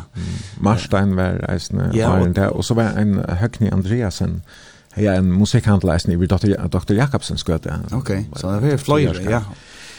Ja, jeg har alltid her alle som uh, Siri underklæder her til selja til Dr. Okay. Jakobsen skal det alltid. Ja, det, det var, var flere for mm. Nu er ein etter førjon, det skal være glad for til en nekvastan her, her er ånden etter til at det er her gigantiske retningarna som som yeah. säljer näten och där utkonkurrerar allt. Ja, yeah, två man fyra stäv i Nekvon så att det är här är Ösne faktiskt han kör Alfred Hever och en handel i Ronavik, mm. selklavier yeah. och gitarr och harmonika och men det man gör. Ja, han är nästan gammal, han är nästan tatu fast bad. Ja, är minst som halt lite han hej en liten handel där vi Dalse här som jag håller för att helger. Han kör en liten liten skor här hej han förskällt och faktiskt här vi eh en gitarolje og så bone ting til uh, gitarkassan som vi kjøpte fra ta första mm. forsen hon uh, var inte kvui att det hända i men jo så han heje instrumenthandel ta så flyttade han till Kanada och sen så flyttade han hemåt nu och nu valde han så att att uh, investera i en en uh, musikhandel åter och simme som uh, är vi ju ganska mycket uh, att man bor i Havn. Till ju en fantastisk handel. Alltså tar här var tar verkligen Jeg vet ikke. Jeg tror han ordentlig gaur handel. Stått litt. Absolutt. Annars var han selv Alfred, jeg tror jeg skal i havn. Han er okay. en handel i havn her ved i Grønland her som kallar det. Ja, ja. det. Ja, tatt vi Grønlandsveien her. Ja, nettopp, nettopp. Ja. Ja. Og det var... Du gick alltså i skola först, i Ridvik från mm. första till fjorda och så först till Ronavigar skola, like Liberia skola från ja, Hitler kända och så Ronavigar skola 18 och 19 så blev det sånt skola tror jag att 18 Ja, det var en ett skola som kom till förjar och det är ett fantastiska vi är sin perspektiv någon det som ja, ofta som kommer vi till ja, skolan. Ja, det var en sån heter sån kristen ett skola från Maria Fjord eh Marieker som er Rosenesby i Danmark og folk som har vært i Marek er jo Ta upplever man det, særlig som nære sommer, at her er en ørgrin og rosen atla stene. Så det kallar det Rosenes by. Nå, men her er så tvær etskolar og en haskole, og her kom han øyne så vitja i fyrjon. Og så han det, tar man være nukkjent flott flotje og være synte trøytere av, ok, ta vanlige etla så, isa.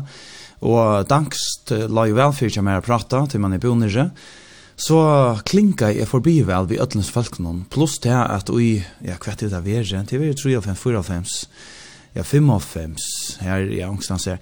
Um, så jeg var alltid vært klar til noe annet, luftforandring, og hesten i skolen her var bare, jeg minns det, kvar at jeg er vi, til jeg er vi tjokken, så kvar jeg og papi og en tur rundt om Toftavat, og jeg sier så vi papi at, uh, jeg tror, pappa, jeg vil gjerne slippe et etterskolen i Danmark.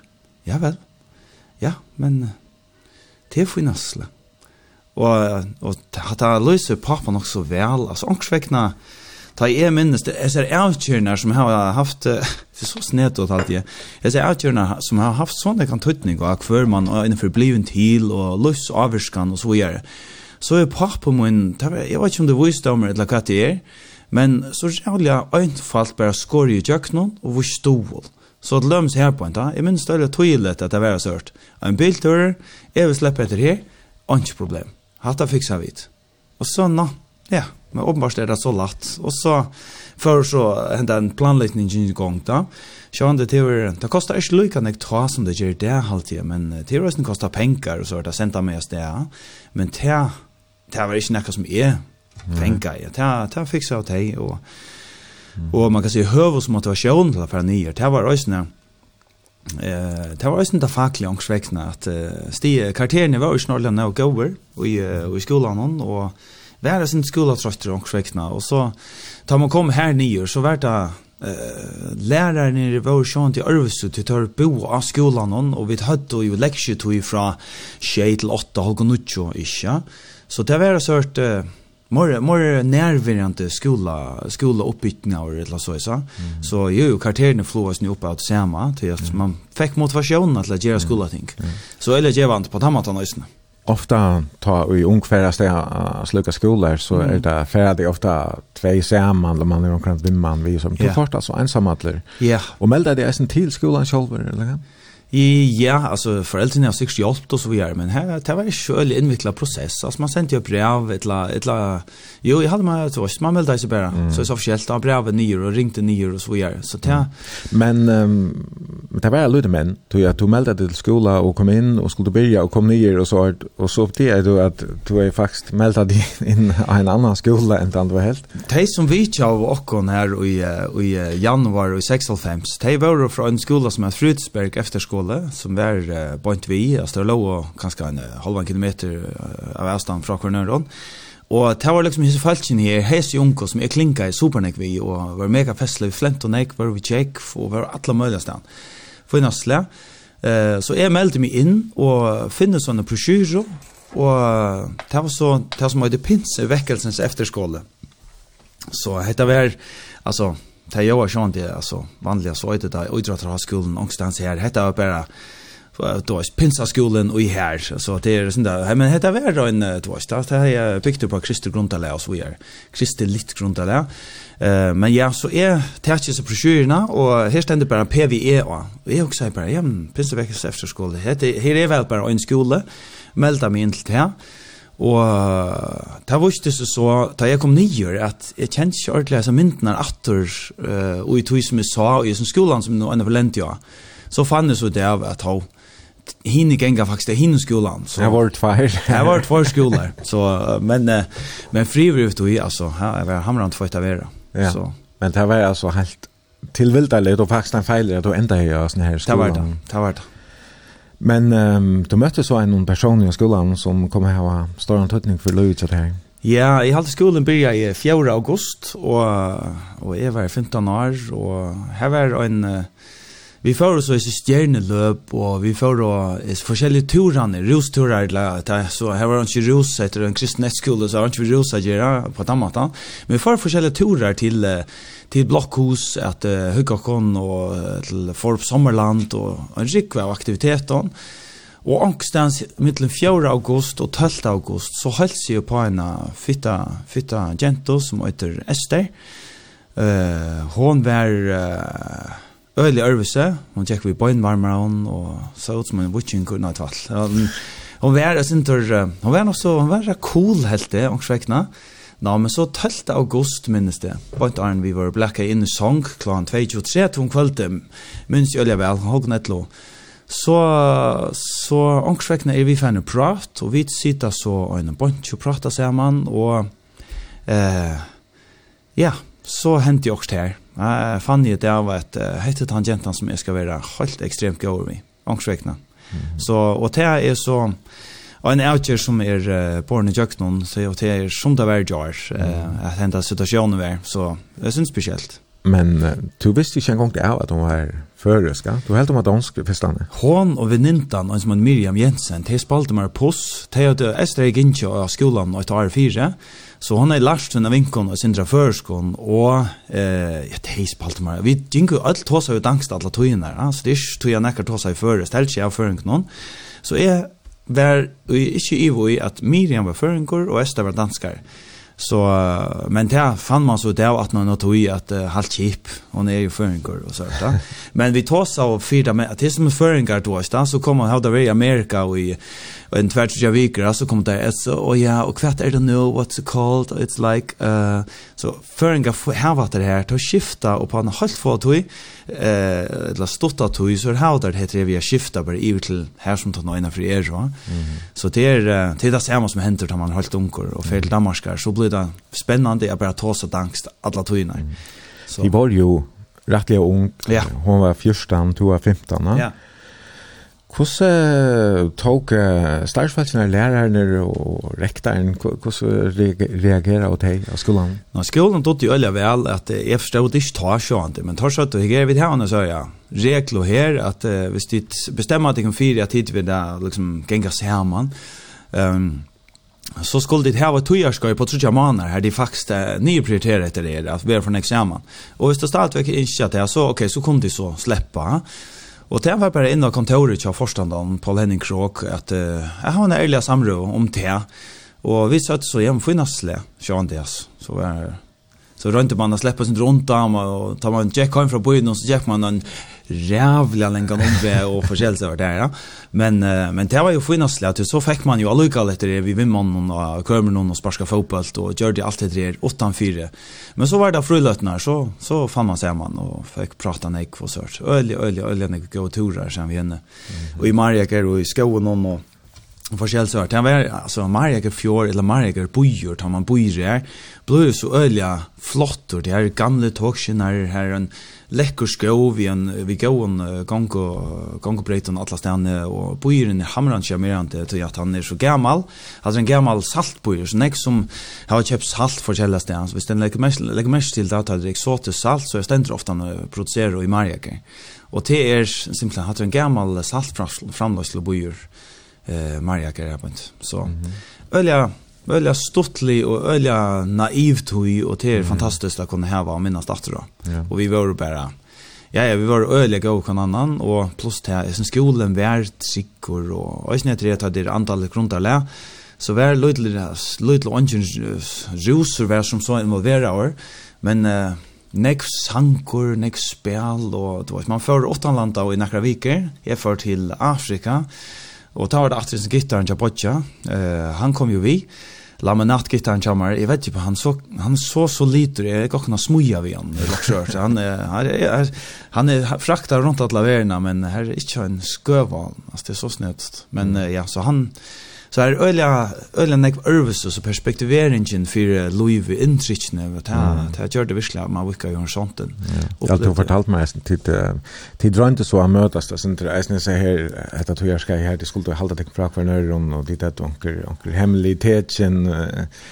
Ja, altså, det var forskjelligt, altså, Esther blev kanskje sånn drøyt av de sånne, nå et valg. Det er slapp ikke, lett jo anna. Nej, jag hej man blev en hopeless romantiker så där var det det vi att man var i kameran och så var uh, Lestra tog in liksom Leo stod ju stod ju timmen så tog han Holger Nucci och så hem man så hört att uh, till vänta mot kamer vänta ut till Felix så så tänder det stearin och så i vintan så betyder det att han måste gärna komma över och hälsa och i vintern och det blev ofta annat till i har vi oss nu Facebook profilen och kameran så hört och när mynta och kom han, tar vi stanta och uh, og hitje utgjønn, eller til tidje utgjønn etter vinter her som er i kamer. Eh så man stod veldig ofte, det var jo høytere nere om kvelden her, så stod man i vinteren og pratet man for timer til at jentene måtte ikke komme inn av dronjegongene, og drongene måtte ikke komme inn av jentegongene. Så man stod utenfor kømerne og pratet man Så. Og du var slett år et skolan? Ett år av PVE, og så før jeg alterna i 11 vinter flotje, som man sier, og det var... Mm det var att det sort Örvis ju är och det nu så mycket om att man får i långre tui och körde väl till andra på i i hästen för någon vart och i Sydamerika. Så det var av Batnaheimen och i och i att leverera mat och annars hjälpa till och i samkomman och försälsort och det var så i Argentina, Brasil, Paraguay og Bolivia. Mm -hmm. Så här var det så borste fra kvarnar någon teater ska här. Ja, det har varit väsen det byggt upp att uh, fire och kon vi forskjellige om uh, kulturen och male lärde man spansk mm. eller castellano som det kallar det som är en uh, gröna spanskon. Så från hem arbeta mm. och så kom man så heter det här uh, i 85 tar man uh, tar man kom åter skolan så får man fyra månader till Sydamerika att uh, vara Heima til Danmarkar, og så fyrir man faktisk tverviket til Ångland òsne, uh, Staffordshire, uh, midt i Ångland, at uh, òsne bæra, så er sankum arbeid, så uh, nek fjartjink. Ja, nemlig, ja. Så det var røskik. Da det er vel liot, um, flottet du så til fyrjar etter? Ja, så flottet jeg til fyrjar, og Esther flottet til uh, mamma søyna, som bor i Hobro, så hun byrja i student i Hobro, og jeg byrja i student i uh, Kampstel, og Kampstel. Mm -hmm. mm. Men um, ja, föräldern till Esther var flott nyer. Alltså, yeah. så om hon föres och till möttes det här uh, yeah. Marjager. Så ta hej hon bo nere i, i några år. Ja, hon är uh, kratt ut av Det Till väl vi ta i uh, så för att det var tjej. Så hon är sista, ja, bo, ja, tvåst. Mm -hmm. Och en åtta och nio år långt nere ta. Så, ja. Men... Um, Ja, det var så bort fra, fra kvarnøren, nå er det sånn rektor som sier mm. at de skulle halte henne fra stå på trutja mann her. Nei, Landevik, nettopp. ja. Og to flott til ferie her, for gang Kamstel i Hån, ja. student i Håbrå. Ja. Men, men det er helt ikke, så det er landtja. Nei, jeg hadde, altså man kan si, foreldrene har betalt nekv, og henne høyleia stunden, sånn det er 17. parst, eller om kvöldet, ta for prusene nyer. Att få får inte om att rinja. Ja, då är det. Så det är nekva, nekva tusen kronor här och jag tar stoj. Här är Esther på nere, men Ester hon, hon tog så avgör om att uh, få inte hett för festlet, Så hon flyttade faktiskt hem till Moin, uh, har vi hotla sia, uh. Ja. Men uh, jo, så hon flyttade, hon flyttade en färger till pappa som är i havn. Mm. Och, och det var ösnen. Var hon så kanka student i, i Høytelån? Ja. ja, så hon gick Høytelån. Uh, og det var jo helt fantastisk. Jeg husker nettopp at ja, jeg visste at uh, flokkeren for Holsikstad Bjørn er velkommen. Hon var, hon heies der her, uh, akkurat har hon flott til heim, så før skolen faktisk, og, uh, før skolen en uh, åttanlandafer. Minns vi snakka om etter her, ah, okay, jeg kan ikke være vidt, jeg det djeva meg en affär pura gratis, jeg har slett ikke vært til å samla og sånt. Og jeg minns vel, hatt en ekkat vatl. Det sier følelsene at det er den beste maten å komme liksom inn i flotjen til å være vi hentet turen til Paris. Og nei, nei, altså, de, de er vinkoner enn jeg var av tøym som man heier tjekke flokken sammen ta og, i høytølen, og til er ved øyne standande hvordan, nei, altså, bare til å være vera romante og bjør følelse velkommen, stor avskan det kan heva, så han heier Eh, är minst det som en otrolig upplevelse vi har kommit till förra gången skola. Jag var och det är så näkvars nere i vinkonner ända. Så det är stort läst det. Så hon bor ju på Havan i Havn och två års flott efter till Runoberg där. Jag bor ju för Elson ja. ja. Och så sås det kvart mitt i veckan eller Anke då var det mitt i veckan. Nästa veckoskift nu. Nej, alltså då anke så då så var alltid Ester överraskad mig sen då komma mitt i veckan till föräldrarna är på Johanna så det är kort var lucka för på skolan och så de kørte jo tullja fra, fra Rona, og ofte han klant Holgun, Holgun Sjei, tjumme for at slepp undan mildre trafikken til Søysa. Så de sette han det bare av. Og vi er inne, inne i havnene, sette han av i høytiden, så tjekker han om han skolen. Okay. Så det her rikket jeg nok så vel, begge og i vikskiften og midt i viko. Så. Men nek ser man, nek vikskifter ser man, og hon i natta av, det var ikke var flottere ut, så hon svevar ned rundt i kjattlarna, og jeg svever på ja eh och vi skift när vi som vi vi jag kom och samma vara sen ta i vi jag sam så svär vi en gästa rum och stämma så. Där blev det gift. Eh TV var i 2000 ja nu ska jag alla minnas något. Jag tror vi hade det här 20 år bröllopsdag. Ja. Det var faktiskt i 2002 eh 8 juni 2002 så om Ja, om små två veckor så har vi ett 20 år bröllopsdag. Så ja. det är något speciellt att man möts så tulja 14 och 15 år gammal och och Ja, hvis man er så heldig å finne henne så fyrt av jente, så er man bøyt til å slippe henne. Så det er jo sin tørs. Det er sånn til henne. Nei, jeg, jeg var ikke, ja, jeg var ikke, vi tar vel i øyne gav hver annen, og kan halde bare selv at det er, det er en standande godt liv og rukt liv man finner sammen, og han er givet meg tro på og vi har skapt et fantastisk tøym, så. Og du har valgt denne her nasta sanchen halt i samband vi henne, og til Tim Christensen som uh, synker. Uh, vi har Kings Garden og atter her Tim Christensen og Pearl Jam og Stone Temple Pilots og Nirvana og heter alt nekka som Esther interesserer for mer da jeg var 15 år gammel, han var 14 uh, og hesten her sankren er så nekka som tar vidt og El Mario og hon er Løytel og Hansine og sånt Ta hever Kingsgarden veri en sankur som han rullar kostskrur attor tim, spela gitar, Jason sanger om gitaren, og jeg genga rundt inn i stoven i Solbakken, uh, mia man røndja få El Mario at, uh, at uh, sauna, og man hikker inn i seg fytt og egne, og Og ja, livs inne i paparollene og skapar etter sambandet tar, jeg, tar man hikker et bøtten kjøsar, og tar hikker atter. Her, det skjer nakka. Og i halde Kingsgarden har vært Hetta er snir karmeren som uh, nekvar har snær sutta sjónun er er er bygda rundt om så øylan nek minner tar ta snær sangren kommer fra så kommer jag tror nek minner att ta henne vid förköla eller sjuk och jag bor henne runt och skulle åka henne och så hört har vi ju. Vi spalt henne ner og sånt han själv eller bare korsade han från och så synte han med hon.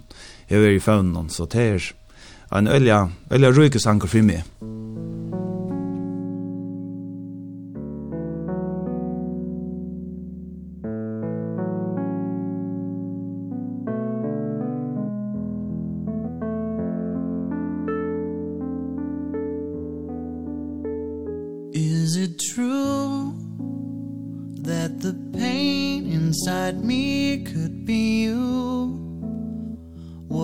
thought was all gone lingers on Always slightly out of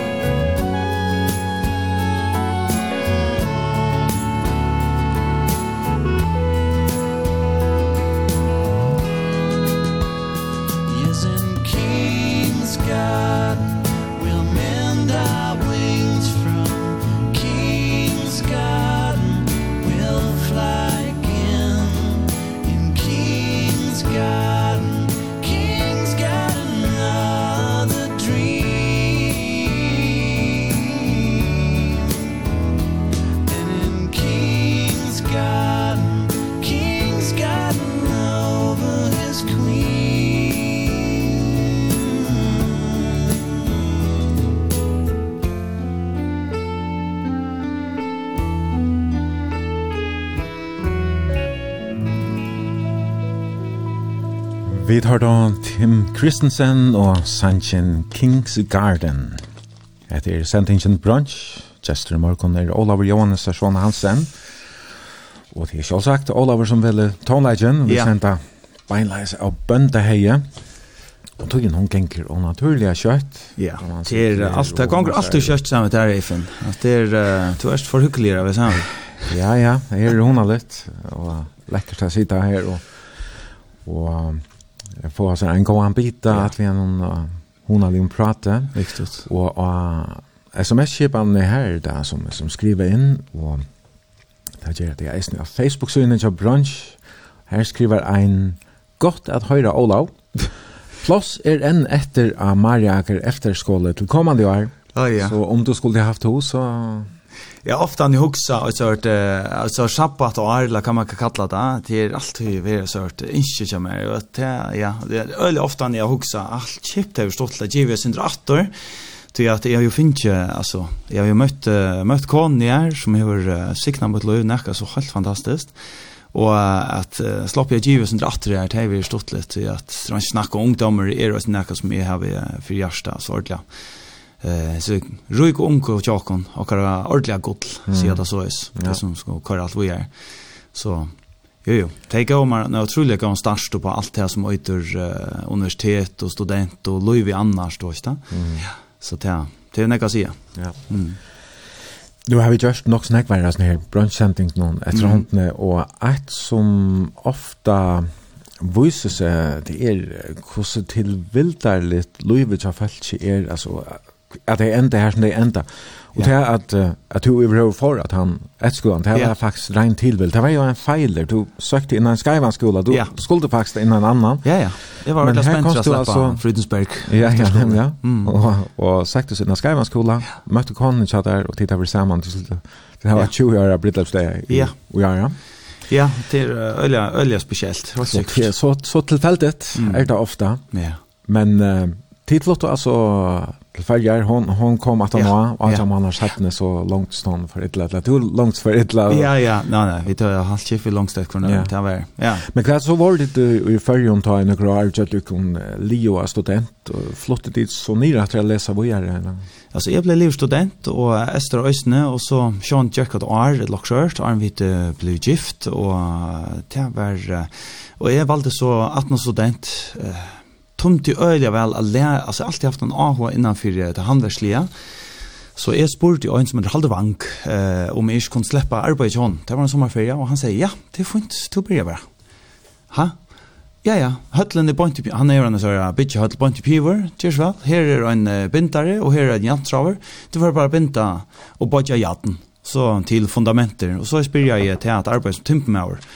Eh, så jeg var arbeidsmauer i en 2-3 år, eh fiskehaltor og så i tja så inn til Ronagar aftur arbeid tja uh, Torben Nilsen.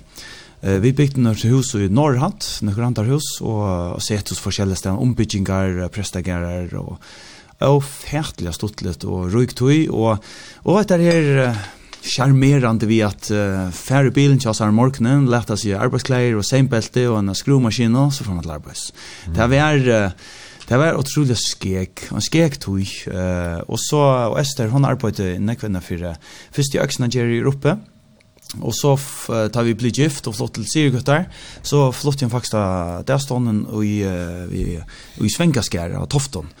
Um, men så får jeg da søkje inn, og det var jeg sin til, Esther, hon uh, visste nok så vel hva hun skulle søkje, Eh, uh, brøkte så sin mening tar vi flott ni år, men uh, jeg søkte inn til uh, Løgfrøy først, ja, jeg har ikke problem med å lese, eh och så fotojournalist og arkeolog. Så det var faktisk det tror velene som jeg... så og det var det var sen där tilvilt, så jeg ble så eh slapp inn av første prioritet. Ja, jag slapp in Luckfreya och ta minta jag syns rätt att jag är arbetat innan fyra det som är det bitching så det ble en bitch rattor och kontraktsrattor som fänga mig en AH i Lestra Tøyne, og tog er det nu at jeg sitter her til landsversk og arbeid innenfor kontrakter og bitching, så jeg hadde simpelthen Eh bitje vinnan halt är otroligt spännande och Sean det förr ner där alltså bitje vinna och fiske vinna är liksom eller eller stora vinner och här där är nekvers eh nekver aktiviteter och tog och image mer att det är tvär vinner i förrjun som är otroligt spännande och gevande att vi är en parsa. Mm ja. Och så så ta så vi flottar ner 2003 faktiskt är Esther och Systemen. Och det är det som tog att ta vi skulle flytta ner ta i 2003. Eh Eh, ta vär spårningen hjem, vi drar inte finna finne en tveivel i på, og og sist må jeg finne åkt vers i på, og alt vær sindur, det vær det jonkas litt å finne nekka. Eh, det enda så vi har vidt tås av bare saman, vart jeg foreldre noen, og jeg må skulle ikke bare kjeipa henne, eller løy henne trivels i på i et år. Sist må jeg skulle bare supplere i et år, og jeg husker jeg fint. Det er sikkert nemmere bare å finne en trivels i på, flyta nyer och så medan vi där nere en lojta vi och rönna finna oss anna och där är fint vi bor i en trivs upp och sjön det där här så inne erbjudningar och Esther blev på på vägen och då alltså så där tar vi flott och nyer på en av eller så så så men eh, Maria var sannligen en fantastisk pastor och akra livet ta eh och i tog vi bo samman och alla så lejer maten när det här vi fick och morgonmat och hygge. Och systemen här heter det här vi att att yes nu nu för att det bara planta på om och nu ska det hitta ett en gå en film alltså där det är honalia och så där. Det var otroligt stort lite Eh men så ta i april månad 2004 fick vi bjöa en upo av Solbacken. Mm. Så ta flott vid här till och vi bor faktiskt här öll arne. Eh inte vi simpelthen måste för ut till att ta över till läsan långt. Nej men här var några föringar. Här var otroliga föringar ja. Och eller några föringar vi, alltså vi bötnorna, på den familjen. Og det har vi så sjåven er øyelig charmerende, ja, ødel er jo nok så lyka og her som det er i løyven, ødel lesa, ødel er og forholdsvis ser man alltid og bøtt. Og hva sier du Esther lest da? Esther les først uh, pedagogikk alltid, og jeg lengt av hånden til, jeg halte jeg tok en, uh, apropos tog, tok en i halva annan tog med å komme i skola, mm. uh, men uh, så les hun i seg lestra ved lunsjene, og det enda jeg vet hun, uh, hon ah hon fall av kant på polit och det som hon är nu och nu arbetar hon så i uh, Heveri och Buskaparan och sitter i landsbanken och och arbetar här vi vi uh, nationalekonomi. Mm. Det är visst spännande att känna ja. Till uh, två bad uh, men det var i Danmark, Ja, två vill så i bo, två bad och man inte näkt känna till. Här vart det liksom alltså att en uppe hon var allt i sen så kammar chockon där var uppbevaringsrum och tjuna kammar och barna kammar och spelkammar och råte kammar alltså jag det är att det vanliga. Och så har man så man bor öliga tatt men det var nog så skekast och så är så bötten vi köpte en så här prinsessesång till El Mario och det var en situation minst en för att det var nästan som en sån gammal WrestleMania här från 90-talet Og hun stender opp i Østvasikten av prinsessesansene, og, og hun sa seg om, og hon også bare, nå får jeg vet ikke av pappa, så hon uh, leip fra prinsessesansene, og man høtte jo meg. og så vakna jeg. Det beste av wrestling-studiet. Ja, ja, simpelthen. Så jeg nekka så ståttligere situasjonen, og til men allukka hitta fantastiska rujka vi at man hever av kollegien, og du hever spilleplass på 8-4, du hever badnageren og uh, kollegien og så videre, Og då arbeid jeg ut fra kollegien noen vi to. eh jeg er freelance og fast uh, lestrar forskjellige stedene. Hva er det var freelance. Uh, freelance kommer jeg være faktisk fotografer og skriva i grøynar om uh, føringar og føresvisjem nere i Danmark. Uh, så skriver jeg for dimmene og sosialen og mm. då var jeg som familie, altså for 8 SO så mangler i mannen 4-5 kroner månaden for uh, jeg får dem alle rundt da, og det måtte man så bare få høy på en kramata. Ja, så det var, jeg, altså jeg angstelig noen her, self freelance photography. Ja. Eh, så det har fyra kan chatta. Ja.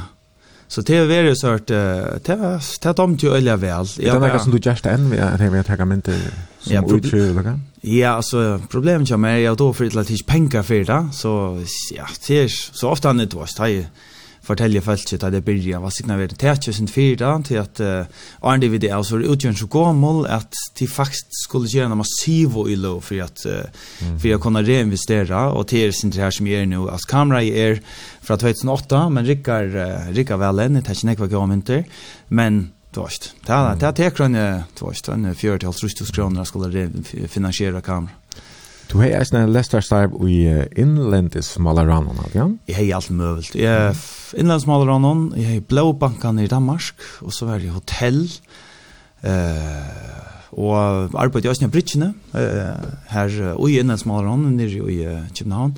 Så jo, øyelig, øyelig djevande at arbeidet snakket stedene, og en etlesøym i Østene, det var faktisk det som var Østene mest utfordrende, men ja, så... Til var nere i 11 år, for nere ja. i Troi, og kom hjem etter i, i uh, Fjørstan. Ja.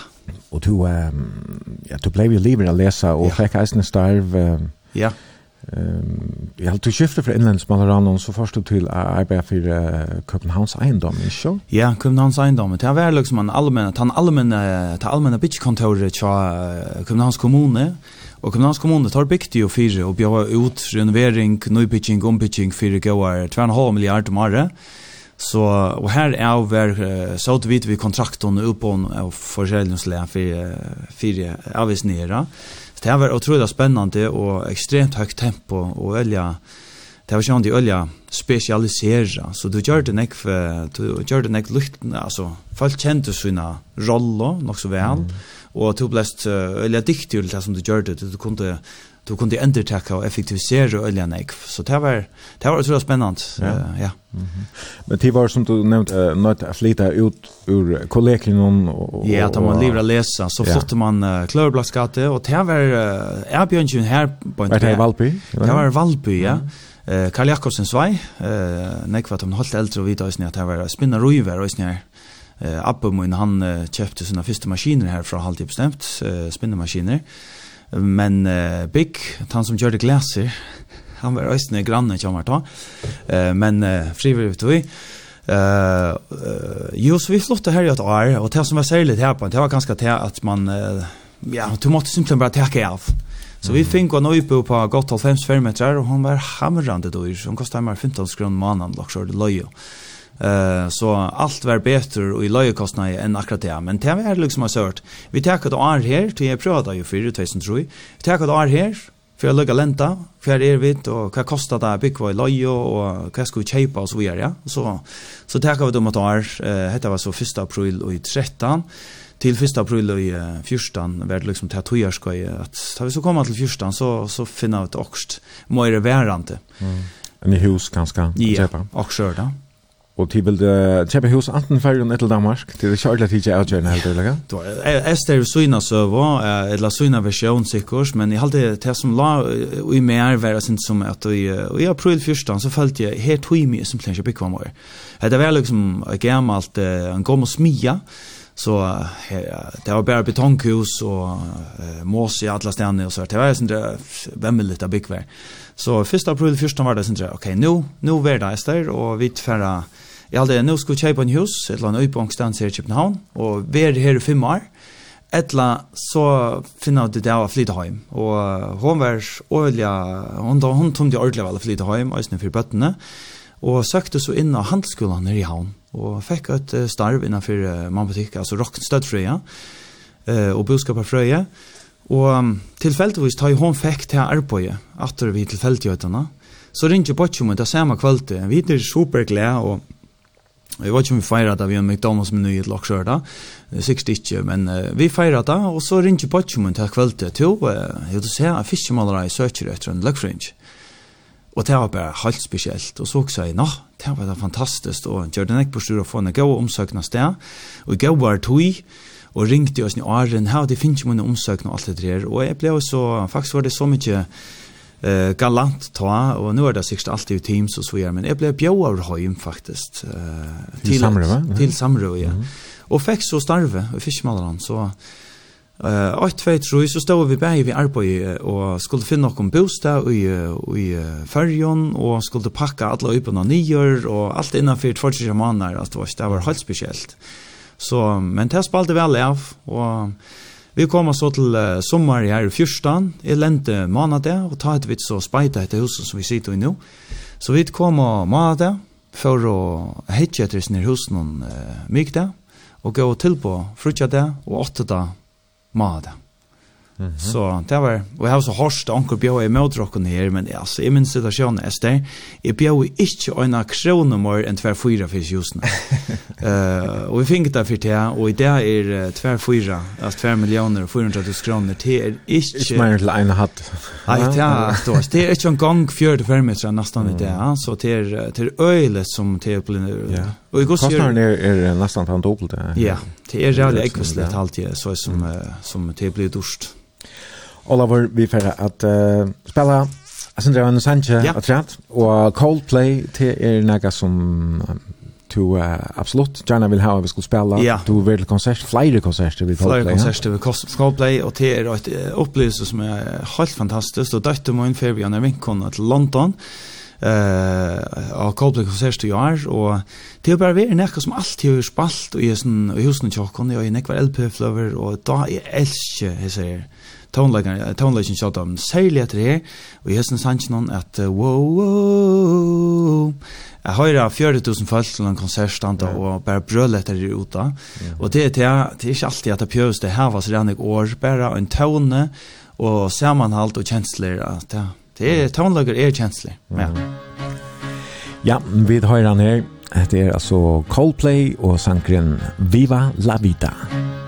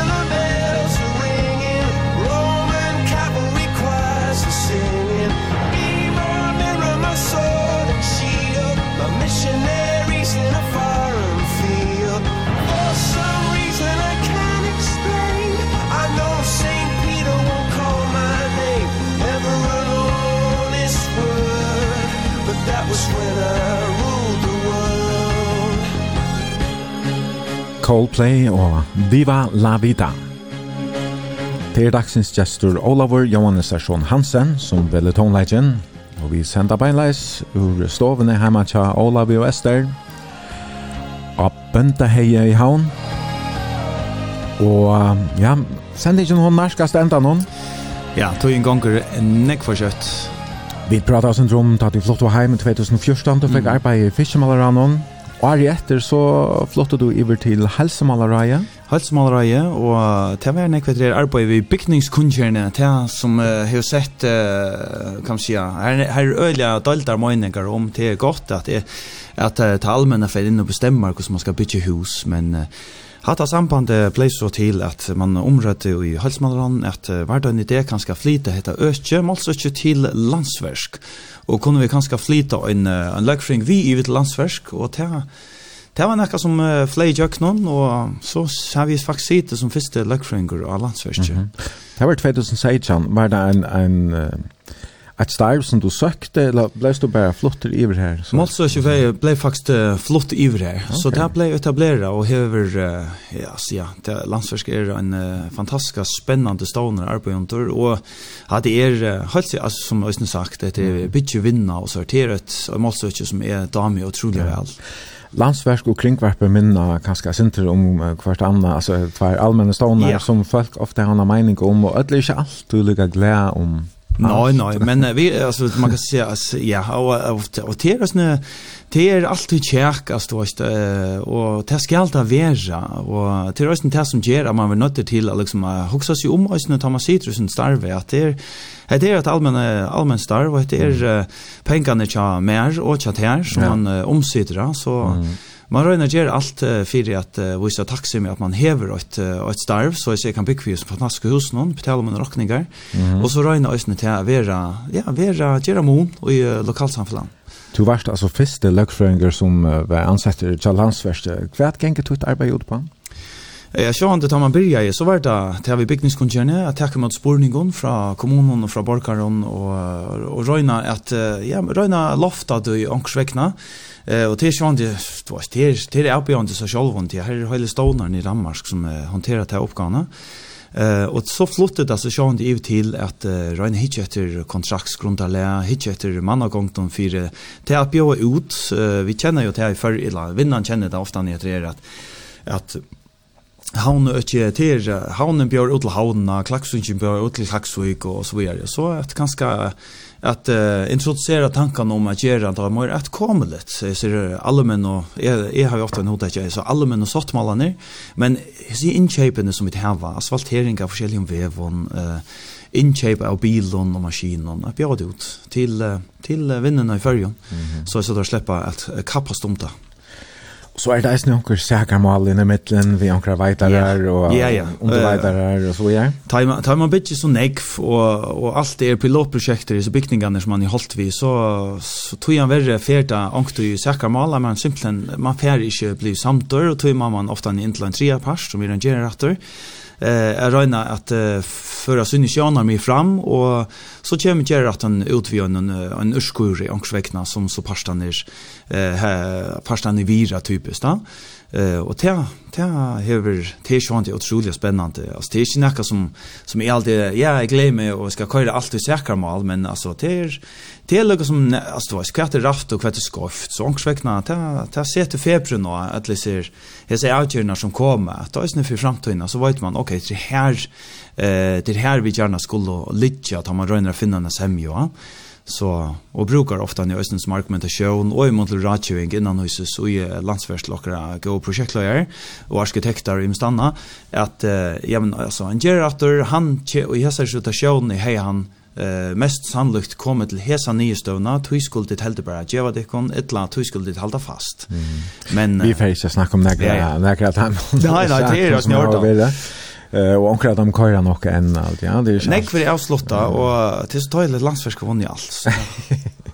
Som sagt för jag vet inte ordentligt att prata om tojen stretch men är det annars ett gott arbetsomkvärve av landsfisk och är det alltså jag vet inte hur det är ju med här bara bara manfolk Det var ju den man för. Ja, ja, ta ta vart nog sån ägg, men nu måste si att det nu är å komme, komme det kommer brötning och här är faktiskt här är faktiskt rättligen ägg bojte rättliga chins på er öliga gott och det känns då også, og du vet og projektledaren så är det att det stämningen är altså, Det är det är det er simpelt så Ja, jag är alltid dålig skek och jeg har ju det og och det kunde vi folk at, det er kommer til sonnekvöld och og sig för att lära på som annan morgon. Det er det som är jeg utrolig, jag. Tror jag är glad för i hava. har. Ja. Så jag tror just öliga väl här och mm. ja. Vi så innan arbeid så har du eisen et, et aktivt, et visst fritidar liv, du genger til alt møvlig, du ja. venner crossfit, du ja. er instruktører eisen. Ja, for teenagerne er nye tvør med. Ja, nemlig, ja. Og så um, ganger alle familien eisene i løvdene. Ja. Yeah som ja. er et, et frøyrum, tjattikon, og kanskje selge sånne deaner som er hele i løpet. Ja, du vet, det er etter er sånne deaner, jeg vet ikke ordentlig hva, altså min sånne deaner er typisk bygd opp av at vi tek okken øyne, øyne tog til å fære uh, nian her, at uh, få noen timer her med halsar på folk, ja, og sjån det er en sånn, uh, sånn og morgon her folk koma saman her oppe så er det vart her en en, en øyelig folk som man kjenner og er glad for å sitte atter Og det er alt fra, nå, hvordan gikk hun vika, til, ja, hvordan gongta vi hesen og hesen, og ute i det man høyrer nekra gode tankar, synes nekra gode sanger, og ofte han spiller jeg, som jeg elsker å spille, og synes jeg fire. At du spiller til møter og ja, fellesang? Ja, fellesang, ja. Uh, så er det bare, det er øyelig gjevande, omkvekkene, at vi er en parster av en sånn fellesskap, ja, mm -hmm. her oppe, og det er njøta vidt, og gode kaffemåner, godt prat, og sånn det er orienteret typisk, det er simpelthen det, og så har jeg matur til en gående døver. Mm -hmm. Nu har du så varit vi uh, en Teen Street ja. uh, Worship Band som framførte av FMA med den andre som var fyrre år. Stod i där på Hatley i ja. Norrland. Ja, ja. Og uh, sangeren Named, ja. han har finnet en serie gode mottøkker ja. om, uh, ja, om, om Adlan Heimen, ja, og de skulle ha turné nu kjøtt. Ja. Eh, då huxar man kanske Teen Street, det jag som tar ordentligt ung men du är eh, 41 år men hem till början appon.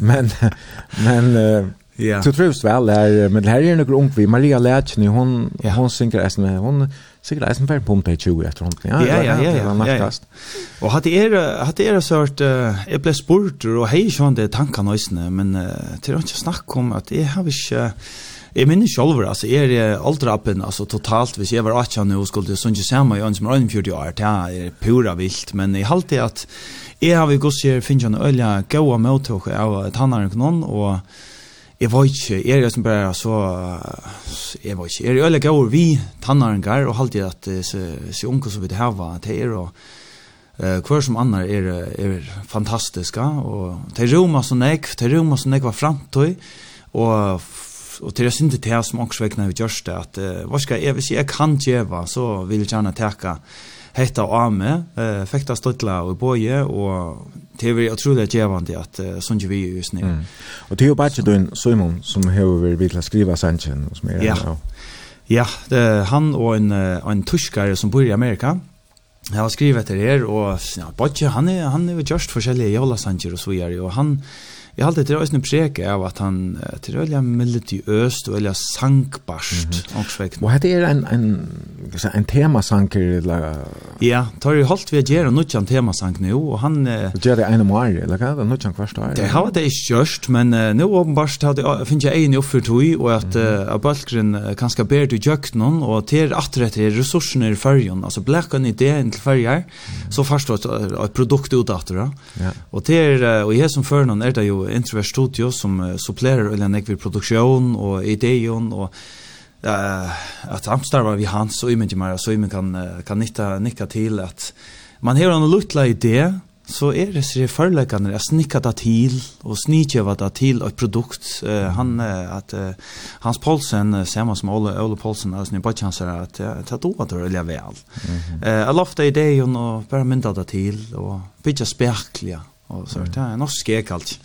Och det var det samma name till det är allt möjligt. Det är rösna eh onkur tibeskur uh, sankar som han helt at det var nog så stort litt. tar sinja ju på jo jøkken svulche och nösna og allt med ja det mm. men jo jo ja. så och det skulle alltså turné nu i sommar ja Tvær viker. Eh, Tvær viker sørst i juli og 1. august. Ja, det er fra 13. juli til 14. august. Ja. Så Det har förra vara strave, krävande, men mm. Spanien, Holland, Holland uh, och Jana Viko uh, om hemma synkor liksom hever man kör konferanser, la, jag säger levenar uh, och Jana Viko och det är som morgon och kväll där man hever sessions. Um, Og det er felag sang preka, så det er det unge, jeg fortsatte til at genka bananas her nere, vi har sinja og dansa og alt det der. Og det er altså første et og sangere som Bæra, ja. ja. Så først skal miksere, og så er vi så heppen at her, og det er etter her, er det djevande lintet kjøføren kom, særlig at det kommer til å praktiska, så vi tar en, uh, eh virkar og vinner hit för att köra turbosen. Eh det var seg at att vi tar så mycket av utger här förjon att det har aldrig nämnt på simpelthen att få en boss fylla han vi alla utgärna och så dra seg han runt i hela Europa. Istället för att og er med i Armenland någon. Så det kan för en gång kunna vi stör. Vi står kvitas det är fantastiskt. Jag hade vi skulle höra Named nu, ja, ja, Arn. Vi, vi får lukka stunder til det alt, ja, Arn, vi så vent after og for at Kia sender i uh, SMS skipan og... Ja, fantastisk. Folk har vært sendt. Og her er en mulig for jeg sender på av Facebook, så ikke brunch, det var B-R-U-N-S-J. J. I lift my eyes up to the sky I fix my mind on who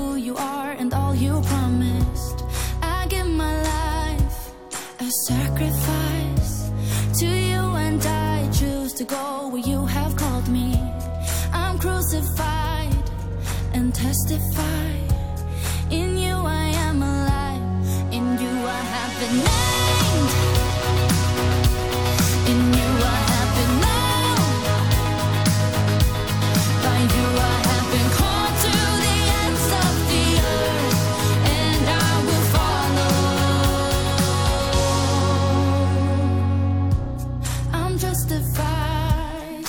Jesus Christ. I say goodbye to all the things that separate me. I set aside my selfish pride And pray that I will grow to be all that I could be. I'm crucified and testify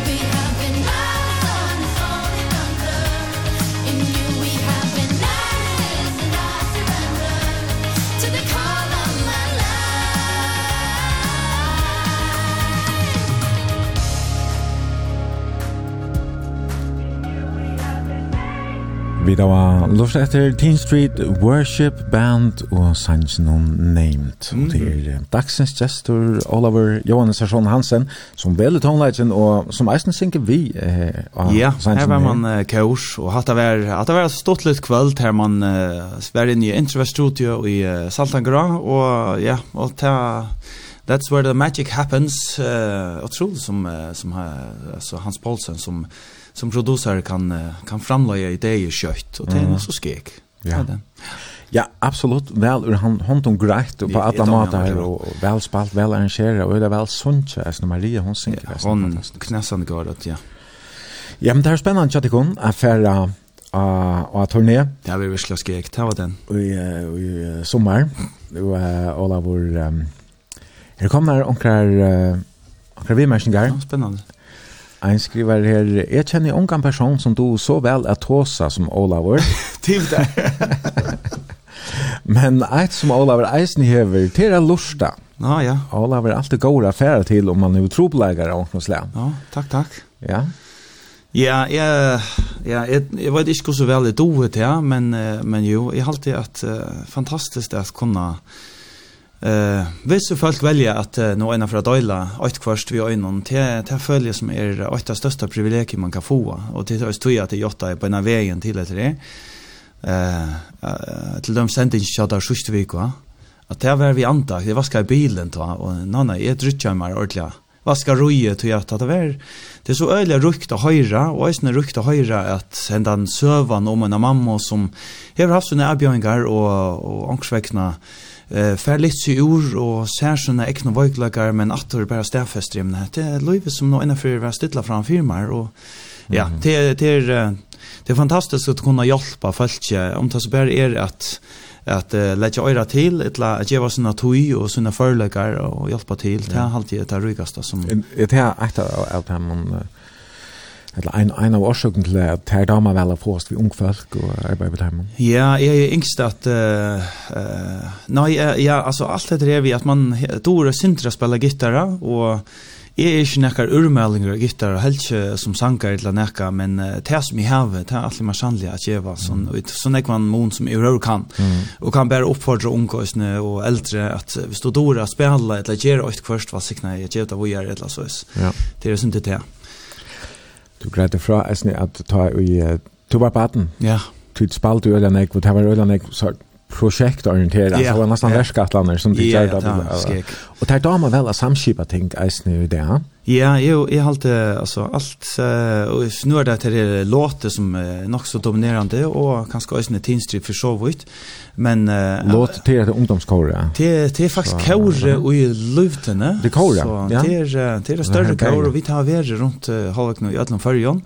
Og til stort litt av vi av samskipa, og er kanskje mer han som har ser han ikke hosgått, tog i dag mye øyla vel av samskipa, vi følte som øyne då lofta min hosgått, og och strukturerat i omkring Mm. Eh så bultan är nästan blöd näka men ja. jo av samskipa och ganska har vi förlatt vi oss bara att uh, jotta med till allt och tog blev tog ofta så knöpp men mm. jag hade tagit så långt att ta ständra kalendern om så altså, jeg blir inte stressare han är kvartera till mera stressad är hvis man ikke klarer att løse oppgaver, så alltid det blir det synder stressant ja. och så har vi en halt av metallian stål og i Og i konne som uh, som løypande i i hever uh, kan man si, at teker febren at uh, ja nu halte jeg det er uisonek nek för så vidare. Ja.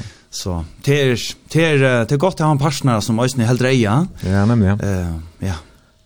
Her er ein helsan fra ein lustherre og skåpen som skriver godt at uh, høyre til gåen, vet ikke gå, gammel gå minner, Best i innskir ur skåpen.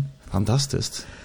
Ein annar skriver her, «Jeg minnest vel alla borginar vi bygde nirri av lynfrost, og alla fettlenar vi gjør det i heimen, det var vel løsfarlige. Ja, ja, ja, hallo. Men det var besta spelblås i heimnon. Ja. Hva for fettle, altså hva er det her, så her, uh, labyrintnar de gjør det vi plattom? Ja, det var plattar, men her var øysene, det var steg vi krutje, mittelen Tofta i rona och sørt, och så var anker teenager fengar, och så hade vi titt leitar gass, bunti av nior, leitar gass i en sirskul, og stå og elda og stå og røpte og etter at det var alltså Det var det sån svackligt som det man gjorde. Jeg minns själv om Eva en pastor av snär men at det var så søver.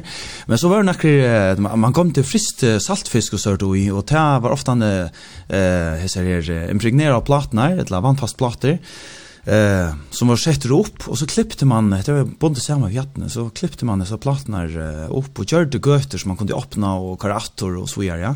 Så det vi sen plattan ner tog att uh, hetta var faktiskt öppen roma, så då hej och så sjön det hade vi det där att vi eh jinko sin golven on men uh, så var det ein två sta ein och sån här så gjorde vi det att vi fäste golvet bara med några pinnar så kom det mer än 2-3 kilo efter det så så dacht allt golvet undan Og ta var det simpelthen etter det, hvis, hvis toftafelsen kom og atle jeg letja borsen av sjåkon, ja, så, så skulle det dette ned i seg fettlene.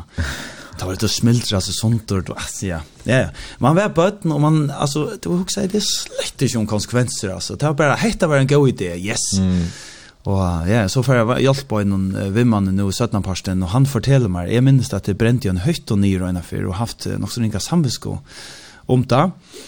Og så forteller han meg nå, da vi var skifer jo nå i år, og forteller meg til, ja, minnes du altså hyttene, uh, sier ja, jeg minns han ordentlig vel, jeg brente han i, jeg har haft simpelthen synka samviskomta, så sier leter Jon, ja, ja, det er jeg som fikk det til det. Så han gav meg leitargasse og gav meg tendrar og sier prøv å brenne til hyttene av og sier ja ja. Men altså, ja, hadde jeg vært en parstra av å vekse opp da, at uh, man gjør det ting ute, tvattla i marere, sitte eld i bøyen, det var et av festligaste man heier, sitte eld i græset, mm. og så rundt man bare at man miste kontrolla. Så. ja, nei. Ja, Ja, alla vår uh, vi kunde ha pratat om om uh, Emils till Anna tror vi att ja, ja. uh, med Anna så hör du uh, väl till nekva konserter ja. runt omkring du väl till uh, John Mayer och Coldplay snackar vi om och och du har haft backstage av G-festivalen om sammen ja. vi kom i Eisen, Ja, det vet jag en at att G-festivalen spurte hej kunne vi komma i husen så jeg kunne ha backstage och Sean det er så vidt var ju ung og alltså Eva Sletchen där ner uh, rus typen på tandmatan alltså det var Matadormix och saft något no, nästan nära så han då är det synd imorgon ja. Så bombfunk sportar jag tror öl någon lägga nej det snet jag var nett bara tar vår alltså Jeg, jeg minns det slett ikke om at det var at det er hardcore. Okay. Selv om det var rymlig heftig musikk som det kom vi, så det var som det bare fyrt, og bjørken til kampstelt, og det var litt her i 2008 til 2002. Så jo, det var øyelig stått litt, og ja, G-festival for meg har vært, og gus gjør så som jeg har vært i G-festival, har vært en, en blanding av simpelthen så festlig om bekkere, festlig om falske, og ja. Først og etter i år? Eh, uh, jag färd ni år tror en värre, men jag har så långt färd då. Ja, ja, tog inte juli, tog inte av till uh, Norgeland. Eh, har var sindra färd och en färd så tora. Ja, men. Så till familjen ska det festas, men dottern halt ju hon stäcker av och färd nog jag halt ju ska också spela det festan för det ska helt likt. Okej. Så det var spännande. Hon spelar vid Danjo och så uh, Herborg och så ehm och så så whatever. Och det låter ju cement. Ja. Ja. Og hever, hon hever jo att firmon at hon hever lagt seg etter ösne at uh, här sindra kontrabass, bäge vi boa og ösne elbass. Hon hever ösne en sånn egna balk samma vi... vi uh, Ikai. Ikai, ja. ja. Og det er så fyr fusions jazz ting. Ja. Uh, det var ett av de positiva överraskelsen. Helt det ja. som hänt og ja, sånn det er egentlig, ikke kom vi göra. Ja, ja. ja. kommer vi göra, men... Ja. Tre vi tøy. Ja, purast då. Och te te sida är viktig, att de skulle bara köra tycker att det er skärpande och det är simpelthen det viktigaste. Inte til å vinne några kapping. Ola var tøy inn hon ferien, och vi får spela senaste läge som du har valt och här är det så på Ja. Johannes som Det var ett projekt som Simon och och og Jakob Heinesen tar liksom sätter på spela. det upp här pappa Hetta fløvan er simpelthen det som er typisk her vakna vi, ta i seks student, minnes de øyelig vel, at leia morgon, uh, så høyre jeg etter sørt her spil innenfra stovene og sett meg etter ofta når jeg fer opp leia morgon klant tutsk, og får meg morgmat, og så at jeg leksjer, stilar, rocknukkar, tonlegoppgaver, uh, og hetta myntar øyelig vel pappa, og Det är en fantastisk uppväxt man har haft vi en en en trick kombasa i en föräldrar till helt säkert och ändliga tacksam för. Ja. Ja, nu nevnte du uh, sendingsna senast, hvilket ja. det er jo egentlig imest. Og tidsen kan ikke bli berøve. Ja, ja, ja. Og det var jo pura åpi og pura frukt. Foreldrene kom og vi la under bansjen og svev, eller hvordan jeg gjør det, men uh, at det var at den er ikke sånn det at det var sånn at vi finner inn vi skoj, mm. at uh, tek der tog til noe annet sånn det er, eller så, så. Ja. Og ikke mer er det, heter det samkommet. Senaste vimersingen her, en som skriver, jeg har vært til flere sinjeviløter i Lutne, fantastiska godt. Takk. Fekk onaturliga godt inntrykk av Olave. Luka mykje kvann sang han fekk kasta igjen i høttet, så spalte jo sang han sangen.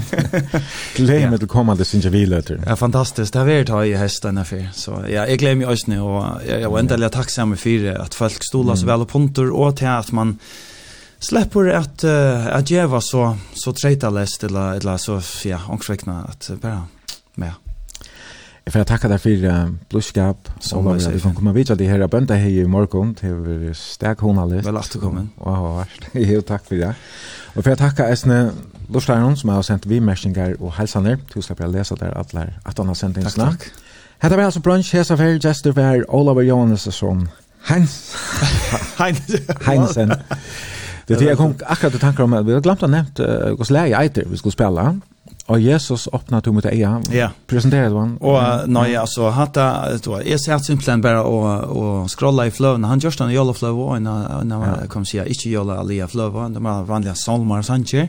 og hette er en av timmen som som jeg har valgt da, og hette er, altså fløven av John er jo eller nekve sanche så til, til en rikva hette er han som øymyndar til dømes dömes situasjon, og och de tekster hvis man rotla för i her, er jo eller går så. Ja. En annan film. Takk fyrir, Olavar. Som løys. Jeg er det Eifen Jensen, og bare etter vi bransj, og nå kjønner gjester kommende leir klokkan 5 minutter i vi Takk til som lorsteien, og godt vikeskiftet. God vikeskiftet.